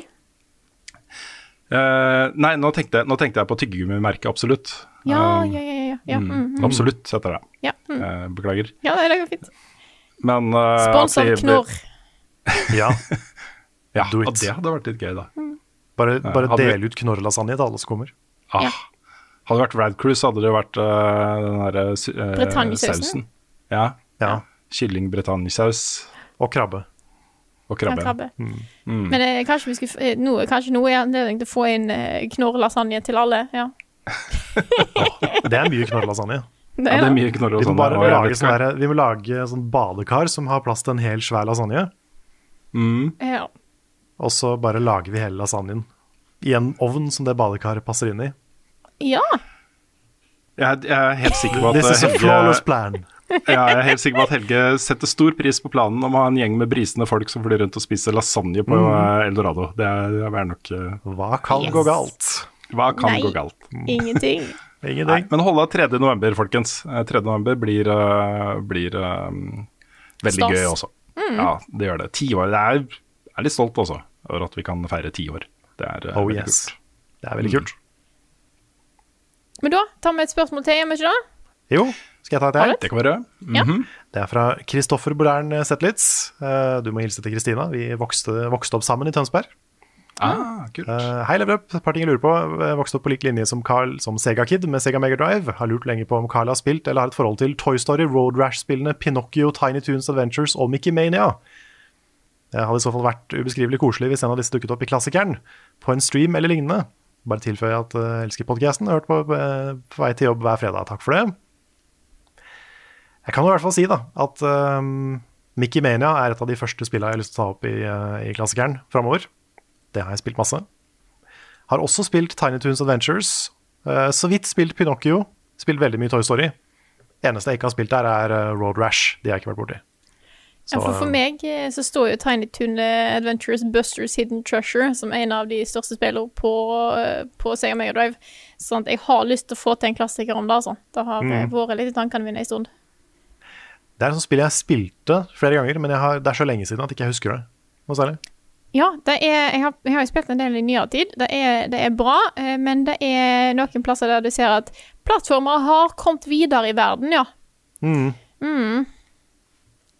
Det kan jeg se for meg. Akkurat som med Kana. Eh, kan jeg ta spørsmålet her fra Skurketrynet på Discord, eh, som spør Kommer dere til å kjøpe eller få den nye Switchen. Og svaret mitt der var jo før jeg så det spørsmålet Nei, trenger jeg egentlig den? Men så så jeg at den kom jo i hvit og sort. da var det sånn Ja, den har jeg lyst på. så kanskje. Ja, Du blir sånn som hun ene kunden som kom innom butikken hos meg en gang da jeg jobba på elektrobutikk, som skal ha en rød PC. Ja. Nei, Ja, men jeg tror liksom gjengs oppfatning om den nye Switchen, eh, som da heter Switch eh, OLED, OLED eh, er vel at har du en Switch, så er det vel ikke et essensielt kjøp. Den har bedre skjerm. Mm. Um, Og kabla internett, ja tror jeg. S- Ja, men jeg, det, jeg klarer meg uten det også. Så um, det, skulle jeg bare vært en vanlig spiller, liksom, så ville jeg nok ikke ha oppgradert fra en vanlig Switch til en OLED. Nei. Men den- den er jo hvit da, og sort. Det er liksom Det er min favorittshader i Destiny, eksempel, er jo hvit og sort. Ja.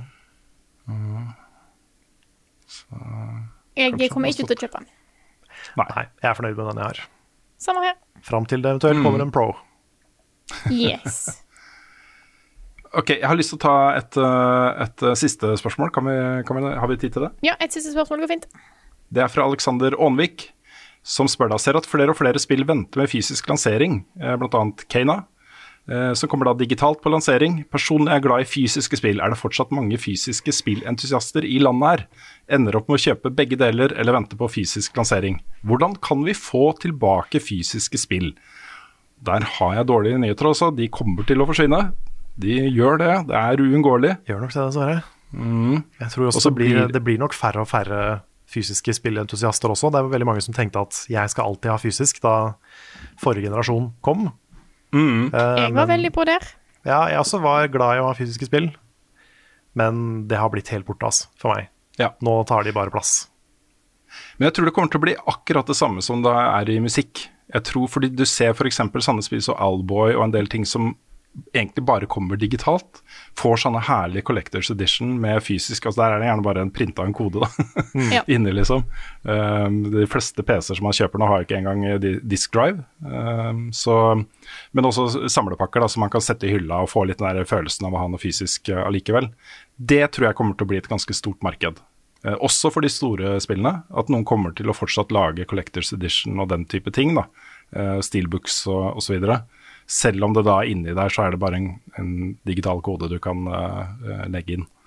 Så, så det, sånn som LP-er har blitt en kjempebusiness igjen, og det er jo et voksende marked. Folk kjøper seg nye platespillere og bygger opp stereoen sin hjemme med en LP-spiller, liksom. Uh, og masse av de nye tingene kommer også som LP. Det, jeg tror det blir det samme på spill. da. Uh, ikke fysiske diskformater lenger, tror jeg, men uh, sånne samleting man kan gå og kjøpe og kose seg med. Så eh, det er nok det, er nok, det toget er nok godt også. Kanskje en dag vet du, så kan vi kjøpe den nye God of War på sånn her kassett. Sånn Nintendo-kassett. Ja. Det er retro, det. Mm. Det Da snakker vi retro. Mm. Det De er jo så svære, vet du. Noen av disse spillene er jo 100 gigabyte store. Ja, fy Så, faen. mm. Da trenger du mange kassetter, Carl. Gjør det. Det er kanskje ikke akkurat den samme kassetten, da. Men altså en, en litt mer moderne kassett. Ja. Diskett. En diskett, ja. eh, Det kommer må- i esker, sånn flytteesker. Ja, du må installere tre kilobyte av spillet per diskett, og så til slutt så har du kanskje et spill. Ja. Men du har jo aktører sånn som Analog, da, som lager uh, retrokonsoller, hvor du kan uh, sette inn kassettene og, og diskene. Nå kommer du med en håndholdt versjon av den nå, eh, hvor du kan sette inn ADS DS og, og sånt, de der brikkene, uh, og spille på den. Eller du kan ha ting digitalt. da. Det, er, det blir marked for sånt også. Og med det så tror jeg vi runder av denne podkasten her. Eh, tror jeg. Gjør vi ikke Ja. det? Ja. Jo, Jo. kan være. Dette her er podkasten Level Backup, utgitt av moderne medier. Låten i introen og outroen er skrevet av Ole Sønnik Larsen og arrangert og framført av Kyoshu Orkestra. Vignettene er laget av fantastiske Martin Herfjord. Jeg likte at vi har to eh, dyktige musikkfolk eh, som vi snakker ofte om, og begge heter Martin. Ja. Det- Jeg har av og til så tenker jeg sånn, sier rett etter dem. ja Martin Skanke er også en habil uh, folkemusiker. Det er sant. Han er ikke det. han er ikke det, han er ikke det. Okay. Nei, jeg har ikke Første jeg kom på. Første er Martin jeg kom på. Ja, ok. Jeg, eh, kan ikke navn. Eh, hvor var det vi var da? Eh, innholdet vårt finner du på youtube.com slash levelupnord og twitch.tv slash levelupnord, så gå inn og like and subscribe og follow og alt det der greiene der. Det heter jo forskjellige ting på hver eneste plattform. Det er helt håpløst. Vi har en Discord. Discord.gg slash levelupnorge. Bli med der. Der er det bra stemning og kos. Vi har en eh, webshop. Eh, levelupnorge.myspreadshop.no. Jeg har fortsatt ikke sjekka om det er linken. Nå bare antar jeg at det er det det er. Eh, og gå inn på Patreon, patreon.com slash levelupnorge og støtte oss der hvis du har lyst til å hjelpe oss eh, mot å nå tiårsjubileet vårt, og enda flere tiårsjubileum eh, i framover tid. Ja, om ti år cirka. Ja, ca. Ja. ti år, ja. Det er bra regna. Vi kan, jo, vi kan jo være litt effektive og prøve å få til neste tiårsjubileum om fem år. Ja, Du, shit. det var en god idé. Det var en god idé. Da Jobbe dobbelt så fort. Ja, Da vi snakka dobbelt så fort i podkasten òg, men det går nå helt fint, gjør det ikke det? Bare spille alt på 200% Ja. Ja. Det er en feature i YouTube. Og med det så sier vi tusen takk for denne uka her, og så snakkes vi igjen neste uke.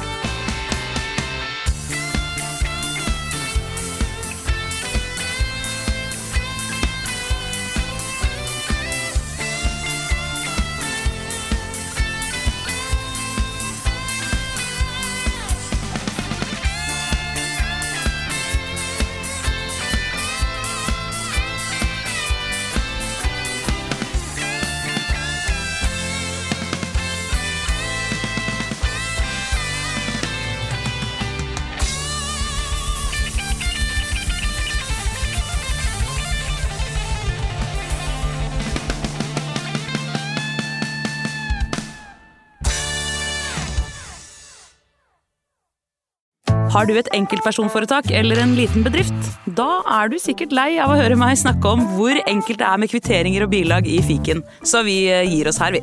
Fordi vi liker enkelt. Fiken superenkelt regnskap.